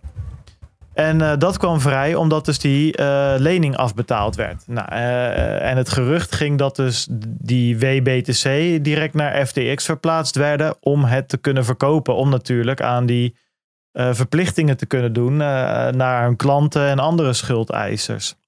Dit was overigens ook een lening die we ook nog een beetje konden tracken eerder dit jaar. In mei en juni hebben we een paar keer gezien dat die heel dicht bij die liquidatie was. En dan wordt dus dat onderpand ge, eh, gebruikt om de, om de lening af te kunnen betalen. Nou goed, dat is dus niet gebeurd. En ze hebben die lening nu zelf afbetaald en dat onderpand is losgekomen. Weten we wat er met het onderpand gebeurd is? Ja, dat zeg ik. Die is naar FTX verplaatst. Althans, dat wat werd er gezegd. Ja, en op een gegeven moment eindigen dan natuurlijk de Ja, on-chain... nee, precies, eh, dat, dat bedoel ik. Dus de- het is naar die exchange gegaan en, en tot Ja, daar... eh, Of het verkocht is. Nou, uiteindelijk komen we wel ergens op. Alleen ja, dat Oké. zegt alsnog niet zo, nog niet zo heel veel. Maar dat is het allerlaatste punt. Voor nu eh, ja, is dit even wat we, wat we weten. Eh, ook op 7 juli doet CZ een duit in het zakje. Die heb ik ertussen gezet. Omdat ik ook wel ja, denk van ja, wat, wat zegt hij hier nou toch weer? En ik ben het er ook niet helemaal mee eens. Hij het zegt, is een beetje would- een bitchfight tussen twee CEO's. ja, die komt opeens van I would never do that type of deal. En dan heeft hij het over zeg maar de bailouts van Sam Bankman-Fried. eh, Fried. En dan vooral over de vorm van die deals. Dus die, niet zozeer dat, die bailout zelf, maar meer dat dat vrij complexe deals zijn waar er ook een soort van leningen gegeven worden. En eh, in combinatie met een soort van het recht om dan aandelen te kunnen kopen op een bepaalde lage prijs en dat het allemaal niet inzichtelijk is. Daar loopt hij een beetje op af te geven. CZ die houdt van simpele deals, zegt hij. En wie weet gaan ze ook nog wel wat van dit soort bail-outs of overnames doen. Ik denk, ja, CZ, ik weet niet hoor, maat. Maar de manier waarop jij en eh Binance zich van 2017 tot pak een beetje 2019 gedragen hebben als soort van venture capital eh, eh, partij on steroids in die ICO-markt. Dat was ook dat was de, het voorbeeld van complexe, gekke, rare structuren ehm, om, om, om geld te geven aan die, eh, aan die start-ups. Die, die op allemaal eh, tokens moesten uitgeven, die allemaal gelist werden op Binance en whatever allemaal. Het waren nou ook niet echt hele simpele deals of zo, weet je wel. Dus dan denk ik van ja, je doet je een beetje heiliger voor ehm, ehm, dan dat je bent eh, op dit gebied, wat mij betreft. Nee. Anyway, 8 juli gaan we. Bitcoin miningbedrijf Compass Mining. eh, we kennen het allemaal wel, omdat die natuurlijk best wel hard geadverteerd hebben afgelopen jaar. Eh, ja, die gaan 15% van, hun- van hun personeel ontslaan. Eh, en het salaris van de zogenaamde executives, dus van het hogere management, gaat met maximaal 50% omlaag. Dus dat is wel, eh, ja, die hebben ook toch een eh, jasje uit moeten, moeten doen. Eh, en dat komt bovenop het nieuws natuurlijk van een aantal weken of maanden geleden. Dat Compass Mining natuurlijk allemaal machines in Rusland had staan. eh, bij een eh, ander bedrijf, zeg maar. Wat, wat Compass Mining doet, is ze huren overal ehm, infrastructuur. Hè? Dus eh, grote hallen waar servers, eh, bitcoin miners neergezet kunnen worden. En die kan je daar dan neerzetten zonder dat je dat dan zelf eh, helemaal hoeft te regelen. Dus bijvoorbeeld, stel ik wil bitcoin mining eh, ehm, eh, gaan doen. Dan kan ik bij Compass Miner een mooie miner kopen, Compass Mining. En die zetten ze dan bijvoorbeeld in Texas ergens in een hal neer. En dat regelen ze allemaal. En ik krijg dan de, de mining rewards. Dat is wat ze doen. Nou ja, goed. Ze hadden dus ook van dat soort server farms in Rusland. Althans via een, eh, een ander bedrijf wat dat deed. Eh, maar die staan op de sanctielijst. En daarvoor is al die apparatuur die daar staat, is in limbo. Nou, daar was ook veel gedoe over. Anyway, die... Ik ben wel eh, benieuwd hoeveel ehm, mensen daar werken. dat is- 72 lees ik hier. Ik heb het niet. Dus ja, het dat om, zou wel eh, kunnen hoor. Het gaat niet om duizenden mensen in dit geval. Het is, En ik ben dit is- wel ben ook benieuwd, zeg maar, is het salaris van die, van die executives van heel gortig naar nog steeds gortig gegaan? Of, Ja, dat, kijk, executives hè, is in principe, dat is niet alleen de CEO volgens. Ja, ja dat, eigenlijk wel. Het zou een beetje om het board moeten gaan. Hè. Dat, dat is, C-level executives. ja. Ja. Nou ja, Eh, maar ja, eh, ja, het is alsnog gortig veel waarschijnlijk, maar het zal wel wat schelen ehm, op de Ja, de bottom helft. line. Maar Ja, ik, maximaal. Anyway, ehm, wat er ook in 8 juli nog gebeurt. eh Binance krijgt een registratie in Spanje. Ze hadden al een registratie in Frankrijk en Italië. Dus dat eh, begint wel eh, bijna kwartet eh, wat dat betreft. Ja, en dit is wel een interessante die ik daarna tegenkwam. 8 juli, eh, een onderzoeksrapport van Arkham. Eh, dat is een, eh, ja, een bitcoin slash crypto onderzoeksbedrijf. Eh, die hadden onderzoek gedaan wat Celsius nou precies heeft uitlopen spoken. Want dat is natuurlijk niet echt duidelijk. We weten wat ze, dat ze in de problemen zijn. En we weten dat het allemaal met leverage te maken heeft. En gekke leningen en weet ik het allemaal. Maar hoe dan precies, dat is niet helemaal duidelijk. Nou, waar het dus op neerkwam, is dat er dus klantengoeden gebruikt zijn. Dat is meer dan 500 miljoen aan crypto's dus. Om hoog risico leveraged handelsstrategieën uit te voeren. Althans, dat is wat er in het rapport staat. En dat leidde uiteindelijk tot 350 miljoen dollar verlies. En het grappige is wat er naar buiten kwam. Ehm, Celsius heeft een soort van die DeFi eh, ehm, ehm, eh, eigenlijk een beetje uit handen gegeven aan Jason Stone. En Jason Stone staat weer bekend onder het synoniem zero, 0x underscore B1. Ehm, en die heeft dus een bedrijfje, of had dus een bedrijf, um, Keyfi heette dat volgens mij. Die dat, ehm, ja, Keyfi, en, en die, die voerde dat dan uit. En dat hebben ze dus vanaf 2019 gedaan eh, voor Celsius. Of sorry, vanuit, eh, vanaf 2020, augustus 2020. Ehm, en op een gegeven moment, ergens in 2021, kwamen ze erachter dat Celsius, ondanks dat ze dat mondeling wel hadden gezegd, helemaal niet de risico's aan het hedgen waren. Uh, en toen zijn ze daar weer mee gestopt en hebben ze inderdaad dat geld weer teruggegeven, die crypto's teruggegeven. En in dollarwaarde hadden ze winst gemaakt, maar in cryptowaarde niet. Ze hadden crypto's verloren volgens mij. Even long story short. Ik, uh, ik vertel hem even redelijk zwart en wit. In dat draadje staat het nog, uh, nog uitgebreider. Nou, en daar heeft hij nu dus ook weer ruzie met Celsius over. En daar is ook nog een lawsuit. Ja, anyway, dus dat, dat speelt daar nog ehm, wat dat betreft. Nou, 8 juli werd ook bekend dat Tether een lening aan Celsius geliquideerd heeft. Uh, dus dat betekent dat Celsius niet terug kon betalen. Uh, Tether zegt geen verlies te hebben geleden, want dat, waarschijnlijk was er genoeg onderpand om dat te coveren. Het is ook niet duidelijk om hoeveel geld dit gaat. Um, 11 juli zegt Celsius in zee te gaan met een nieuw advocatenkantoor om de herstructurering te gaan overzien. Dus dat gaat dan over Kirkland en Ellis LLP. Voor de mensen die uh, nog een advocatenkantoor in Amerika zoeken. Ook op 11 juli uh, het kantoor van uh, Three Arrows Capital blijkt verlaten en leeg. founders Oh, ja. nergens te bekennen, ja. De schuldeisers zijn daar blijkbaar langs gegaan en die hebben alleen een stapel met posten gevonden bij de voordeur. voor de rest niemand. Uh, op dezelfde dag, ook 11 juli, um, uh, zegt BlockFi-CEO Zach Prince... Die is, het, die is het zat om vergeleken te worden met Voyager en Celsius. Dat zegt hij op Twitter. En denk, ja, uh, Zach... Want? nou ja, dat zal ik je vertellen. Hij zegt, PSA, Public Service Announcement to Journalists and Market Commentators. It's time to stop putting BlockFi in the same buckets sentence as Voyager and Celsius. Two months ago we looked the same... They shut down and have impending losses for their clients. BlockFi is fully uh, functional across all products, credit card, loans, uh, trading, earning interest, no client losses, raising interest uh, rates in July. and we have exciting stuff in the pipeline. Ja, kijk, aan de ene kant mijn eerste instinct is van ja, Zack, dan moet je maar niet in dezelfde dingen aanbieden als de rest. Maar aan de andere kant heeft hij ook wel een punt. Hij zegt, it's time to stop pudding. Dus vanaf nu. En ja, op zich uh, zit er feitelijk gezien ook wat in. Want de anderen zijn inderdaad failliet. Uh, en uh, BlockFi niet. Sterker nog, de withdrawals zijn gewoon open. er zit wat in. Aan de andere kant denk ik, ja, Zack, je hebt waarschijnlijk andere dingen om je druk over te maken. Dus ga dat maar doen. Um, Ja. Ik kwam ook nog een plaatje tegen, ook 11 juli.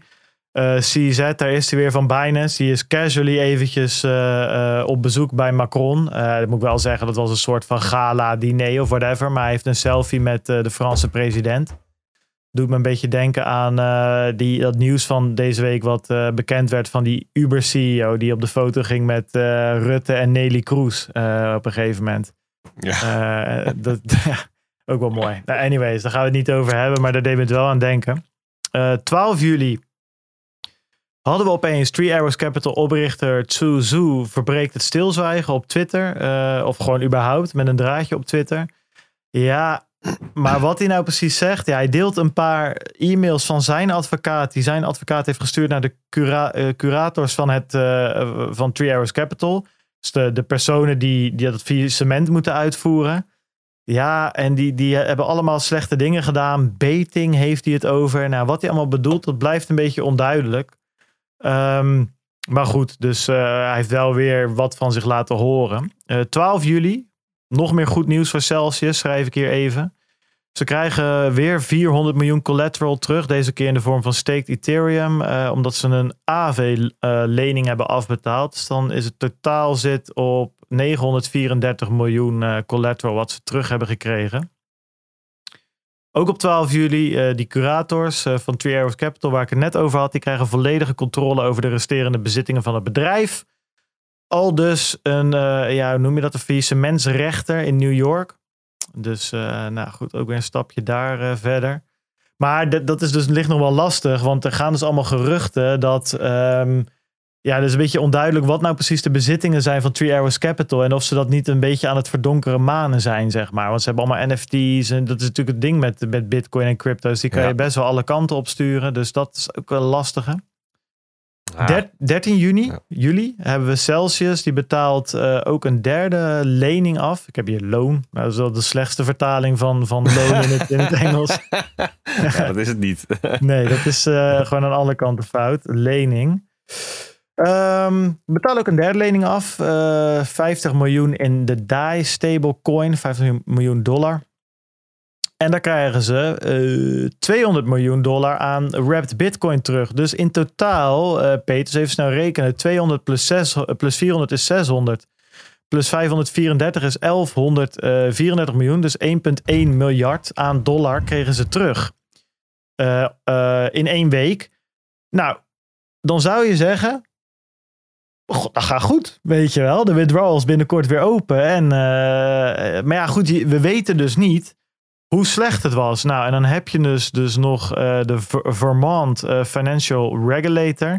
Dat is volgens mij dan weer een, een, een toezichthouder, regulator, die op de plek toezicht houdt waar Celsius zich bevindt, denk ik dan.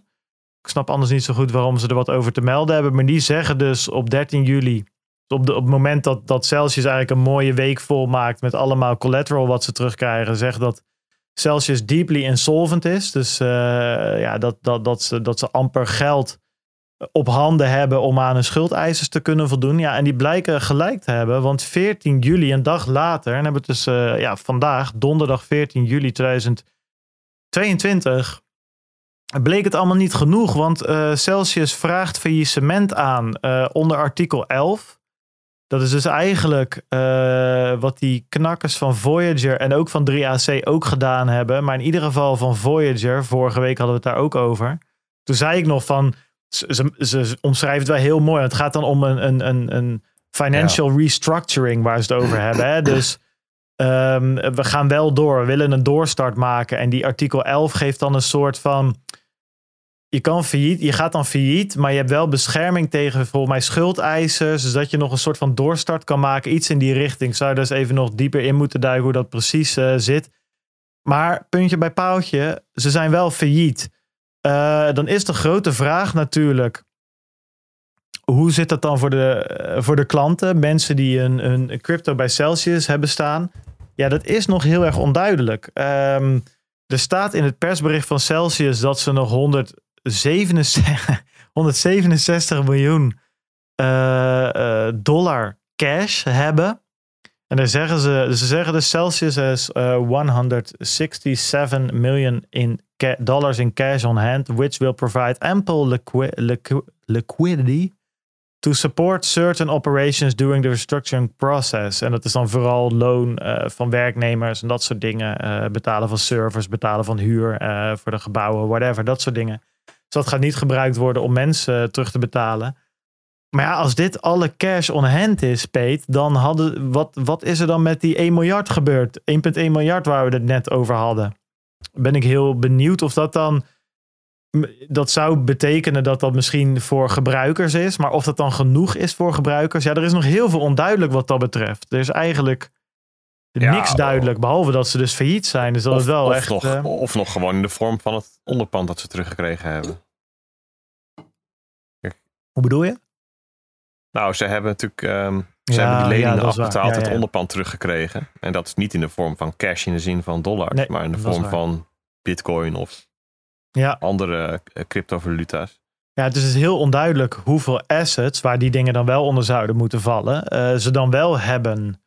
Ehm, het is echt, eh, ja, goed. Ja, en, en ze doen nu alsof dit. ehm, ja, weet je, ze, de, de, die chapter 11 bankruptcy, die wordt een beetje eh, gespind als ware het geen faillissement. Hè? Ja, exact. Dus, dus het wordt een beetje, wordt een beetje gedaan van nou, we, gaan, eh, we gaan door en we gaan eh, onze financiën en ons bedrijf herstructureren. En er zijn meer bedrijven die dit zo hebben gedaan, die zijn er beter uitgekomen en bla bla bla.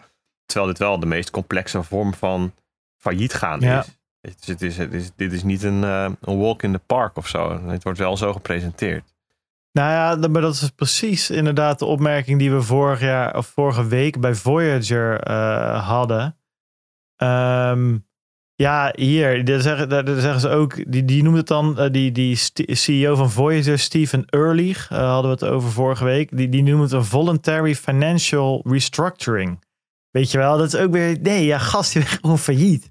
Ehm, maar goed, ja, dat, dat, dat is Ja, nou helemaal en- hoe het een beetje en gaat waarschijnlijk. Het vervelende hiervan is, is dat eh, dus dit, die, die eh, Chapter 11 bankruptcy, dat is een manier voor een bedrijf om zijn schulden te herstructureren.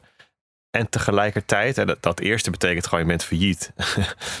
je, je, je, kunt op dit moment je schuldenlast niet aan. Dat moet dus op een andere manier ingericht gaan worden.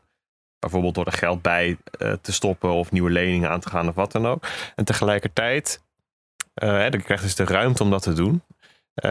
En je kunt je, je bedrijfsvoering doorzetten. Dus het blijft gewoon in operatie. Met andere woorden, ze raden nu mensen ook aan om hun Celsius-account te houden. Om gewoon misschien wel hun- de, een lopende lening eh, te herfinancieren. Of eh, geld te storten. I don't know, weet je.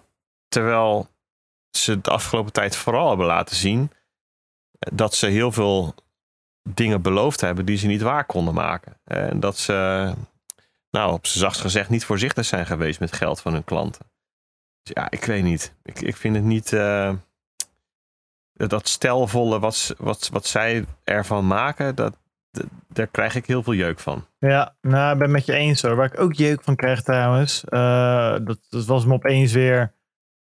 eh, schiet me dat te binnen. Ook met die Zack Prince van BlockFi. Die zegt van ja, wij zijn niet hetzelfde als Celsius. Bla bla bla. Ja, dacht ik. Maat, ik krijg een mailtje letterlijk van eh Zack Prince. Nee, maar van BlockFi. Ik, ik, had ooit een account bij BlockFi gemaakt om het te proberen.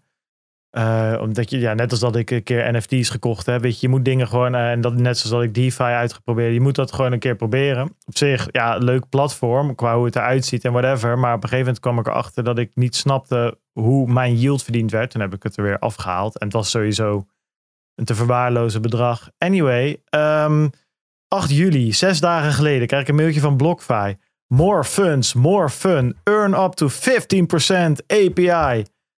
Uh, paid in crypto. To date, bla bla bla. Weer heel verhaal over allemaal manieren om, eh, eh, om, om de 15% te krijgen. Nou, die kreeg ik dus ehm, van de week.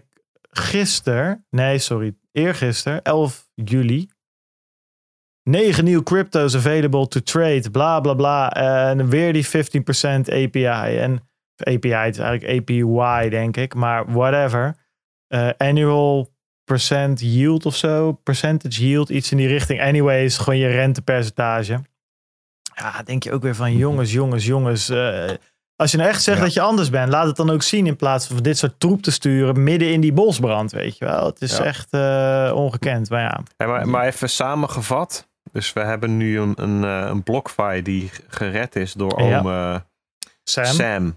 En die krijgen nu een beetje praatjes. We Ja. hebben Binance eh, die nog steeds bezig is. En het zal nog wel even zo blijven. Met een soort campagne om een, beter in boekjes te komen te staan. In Europa, van ja. regulators denk ik. In de vorm van een CZ die allerlei dingetjes doet. ja, in Europa dan dus vooral. Precies. We hebben 3A 3AC oprichters die AWOL zijn. Ja, Dat, dat, dat wordt waarschijnlijk een, eh, een gebed zonder end. En dat eindigt dan met een FBI die. eh die, die ergens van de opsporings- Cayman-eilanden moet Ja, zoiets. Ja. Die worden... ja, ik lach erom, maar dat is natuurlijk wel weer sneu. Ja. Eh, en we hebben Celsius die, Maar- die maar- maar mooi weer blijven spelen. Weet je, en Nou, ondertussen ja, dat- zijn er dus allerlei, allerlei klanten. Die Reddit van Celsius zit vol met drama-verhalen Ja. van mensen die, eh, nou ja, die in psychische nood komen omdat ze een hele eh, hebben houden aan Celsius hebben eh, in bewaring hebben gegeven. Ja, weet je, en, en er komt echt niks naar buiten wat, wat die mensen nou echt helpt of zo in, in Nou dat ja, proces. Doet, eh, dit nou ja, ook niet. Ja, wel, want je bent gewoon fucked. Weet je, ga daar Ja. maar vanuit. En elke euro die je gaat krijgen, die Ja, is maar meegenomen. toch is dat, blijft dat min, een beetje onduidelijk. Ik bedoel, dat zei je zelf ook net. Van, ja, het is niet Oh nee, duidelijk wat... nee, ja, En het, is die, het is natuurlijk die onduidelijkheid die, die vooral parten speelt. Het is op zichzelf wel prettig als je duidelijkheid hebt. Of het nou negatief of positief is. Je weet in ieder geval dat er een punt is te zetten. Mm, ja, nou ja, ik ben, ik ben het met je eens. Of ik, ik snap waar je vandaan komt. Ik vind aan de andere kant, ja, dit is wel echt gewoon faillissement aanvragen. Dat is wel een dikke punt achter. Ja, maar wel een echt wel... Nee, het is meer een punt, komma. Ja, nee, 11 zeker. Is, is, is, Ja, maar punt je, achter, zeg maar. dan weet tot- je nog steeds pas over jaren hoe dit, Ja. hoe dit gaat. Dat is waar, maar ze zijn wel fiet. Zeg maar. Ik bedoel meer van, we hebben het dus over die bosbrand gehad en de, de rook die optrekt. Ja, ik vind dat daar wel een punt achter. Hoe we het bos nu gaan eh, laten hergroeien. Of, de, Ah, het enige voordeel is dat er dus een procedure is gestart. En dat er ja, hopelijk, ik weet niet waar dat is, maar hopelijk voor de mensen dan die daar aan blootgesteld zijn, is het op een plek waar al, het, al die documenten ook gewoon publiek benaderbaar zijn. Ja. Dat verschilt volgens mij ook Nou, weer per jurisdictie. ja, ja, ja, inderdaad. Ja, en verder, wat dan nog wel. d- ja, las ik laatst een interessant draadje over op Twitter. En ik weet niet meer welke, dus ik kan hem helaas niet precies noemen. Maar dat. Voor mij was het Kobe die daar ergens op reageerde. Ehm, en Kobe is een soort van. Ja, eh, cryptocurrency personality die wel. Ja, die snapt wel waar hij het over heeft. En die is ook wel vrij kritisch over alles. Ik vind hem wel objectief overkomen op de een of andere manier. Maar goed, het is geen maximalist. Maar ik vind het eh, een fijne aanvulling op een Twitter-tijdlijn. Maar die zei, een van de meest interessante dingen is nog wel dat eigenlijk DeFi en al die DeFi-platformen, ja, die draaien eigenlijk en hebben eigenlijk gedaan wat ze moeten doen. Dat dat dan voor de rest eh, allemaal eh CeFi, de Centralized Finance aanbieders zoals Celsius en BlockFi en Voyager in de problemen heeft gebracht. Dat is een ander verhaal. Maar Ja. AV en MakerDAO en weet ik het allemaal. Ja, dat, dat eh, op zich heeft het gewoon gedaan wat het moest doen. Dan kan je je wel afvragen van wat het moest doen, is dat iets wat we willen? Oké, goed. Dan vraag je gewoon het. Dan, moet je, dan zit je meer in een filosofische discussie over het nut van DeFi en de producten die we daarop aan, aangeboden worden. Eh, maar het heeft wel gewerkt, zeg maar. Dus Ja. dat vond ik nog wel een interessante, ehm, eh, gewoon wat meer macro-visie op het afgebrande bos. Ehm, ja, verder sluit ik me aan, Peet, bij jouw eh, conclusies. En het lijkt toch ook een beetje dat, dat de laatste smeulende restjes wel enigszins. ehm, ja, ehm, eh, zijn uitgetrapt. Hè? Want die grote leningen die Celsius had openstaan, ja, die zijn wel daadwerkelijk gesloten. En dat is ook wel echt te zien. Nou ja, goed, zoals Bert het zei, je weet nooit waar er nog ergens wel wat ligt te smeulen. En misschien steekt dat een, een gedeelte van het bos aan wat nog niet afgefikt is. Maar ja, goed, het lijkt toch enigszins eh, rustiger te worden. Dus ik ben benieuwd wat we deze week nog gaan zien. Maar ehm, ik denk dat het... eh, maar ja, goed, dat is een hele gevaarlijke uitspraak. Voor hetzelfde geld fikt er volgende week weer wat af. Maar ik, ja, het lijkt alsof de, de, de domino-steentjes waar, waar de grootste risico's lagen... die zijn of echt afgebrand nu... of daadwerkelijk zo gestuukt en nat ge, uh, gesproeierd met een grote brandweerslang. Dat ze de komende tijd niet, uh, niet, niet, niet kapot Even afkloppen. gaan. Even afkloppen, want zoals Bert in de marktupdate zei, de rest van de wereld staat nog steeds in de fik.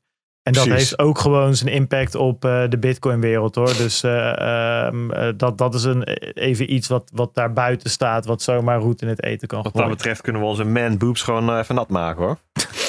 Zo is het. Kunnen we sowieso wel doen. Met, lekker met olijfolie, het zonnetje in. oh, het escaleert, het escaleert. Het escaleert, escaleert. um, maar goed, we zijn dus, ja, we zijn, dat, dat is eventjes de, de bosbrand-update, uh, mensen. Volgende Hoi. week uh, meer. Dan denk ik dat we daarmee ook gewoon netjes aan het einde zijn gekomen van uh, deze Ja. aflevering. Ik ga eens even kijken of ik dit allemaal aan elkaar kan editen. Ik denk dat het wel moet lukken.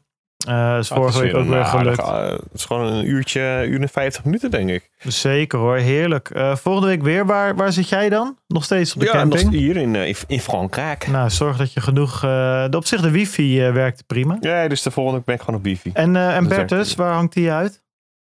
Ja, die zal dan wel ergens in Noorwegen zitten, denk ik. Hmm, dan gaan we eens even vragen. En, en die weken na voor de live show ben jij dan weer terug? Dan ben ik terug. En dan zit En- Bert nog ergens in... uh, ja, moeten we het weer met z'n tweetjes uh, doen? Misschien kunnen we hem inbellen. Goed, Ja, dat is allemaal voor later. Uh, we verzinnen wel weer wat leuks. Precies. Ehm, nou, jullie allemaal bedankt voor het luisteren. Pedro, jij bedankt voor je inbreng weer vanaf de camping. Geniet van je vakantie. Bert, hetzelfde geldt voor jou. Ook al hoor je me niet meer. Ik weet dat je... De, ik stuur gewoon al die, die, die liefde en energie zo naar Noorwegen. Manifesteer je dan, hè? Dat manifesteer ik inderdaad. Ja, Ja. dat is... eh, Mooi. Ehm, even kijken hoor. Eh, vind je deze podcast leuk? Join ons Telegram groep. Volg ons op Twitter. De links kan je vinden op www.stashradio.nl Ja, en wat ik zei, jullie allemaal bedankt voor het luisteren. Ik zie jullie graag volgende week weer. En eh, vergeet je niet hè, in te schrijven voor eh, onze meetup bij Jan. Meer dan 100 mensen komen, wordt super leuk. Ga even naar www.meetup.com, zoek op Satoshi Radio en dan vind je het vanzelf wel. Uh, en uh, zorg dat je erbij bent. Lekker biertjes drinken in Haarlem, NCT eten en over Bitcoin praten. Wat wil je nog meer? Uh, ja, ik, ik wil eigenlijk niks meer. Dus ik kijk Kan al slechter. naar. Kan echt slechter. Wordt heerlijk Ja. weer. Dat weet ik nu al. Dus dat komt goed. Schrijf je in. En voor de rest zien we je gewoon volgende week weer. Thanks voor het luisteren. En adios. Later. Yo, later.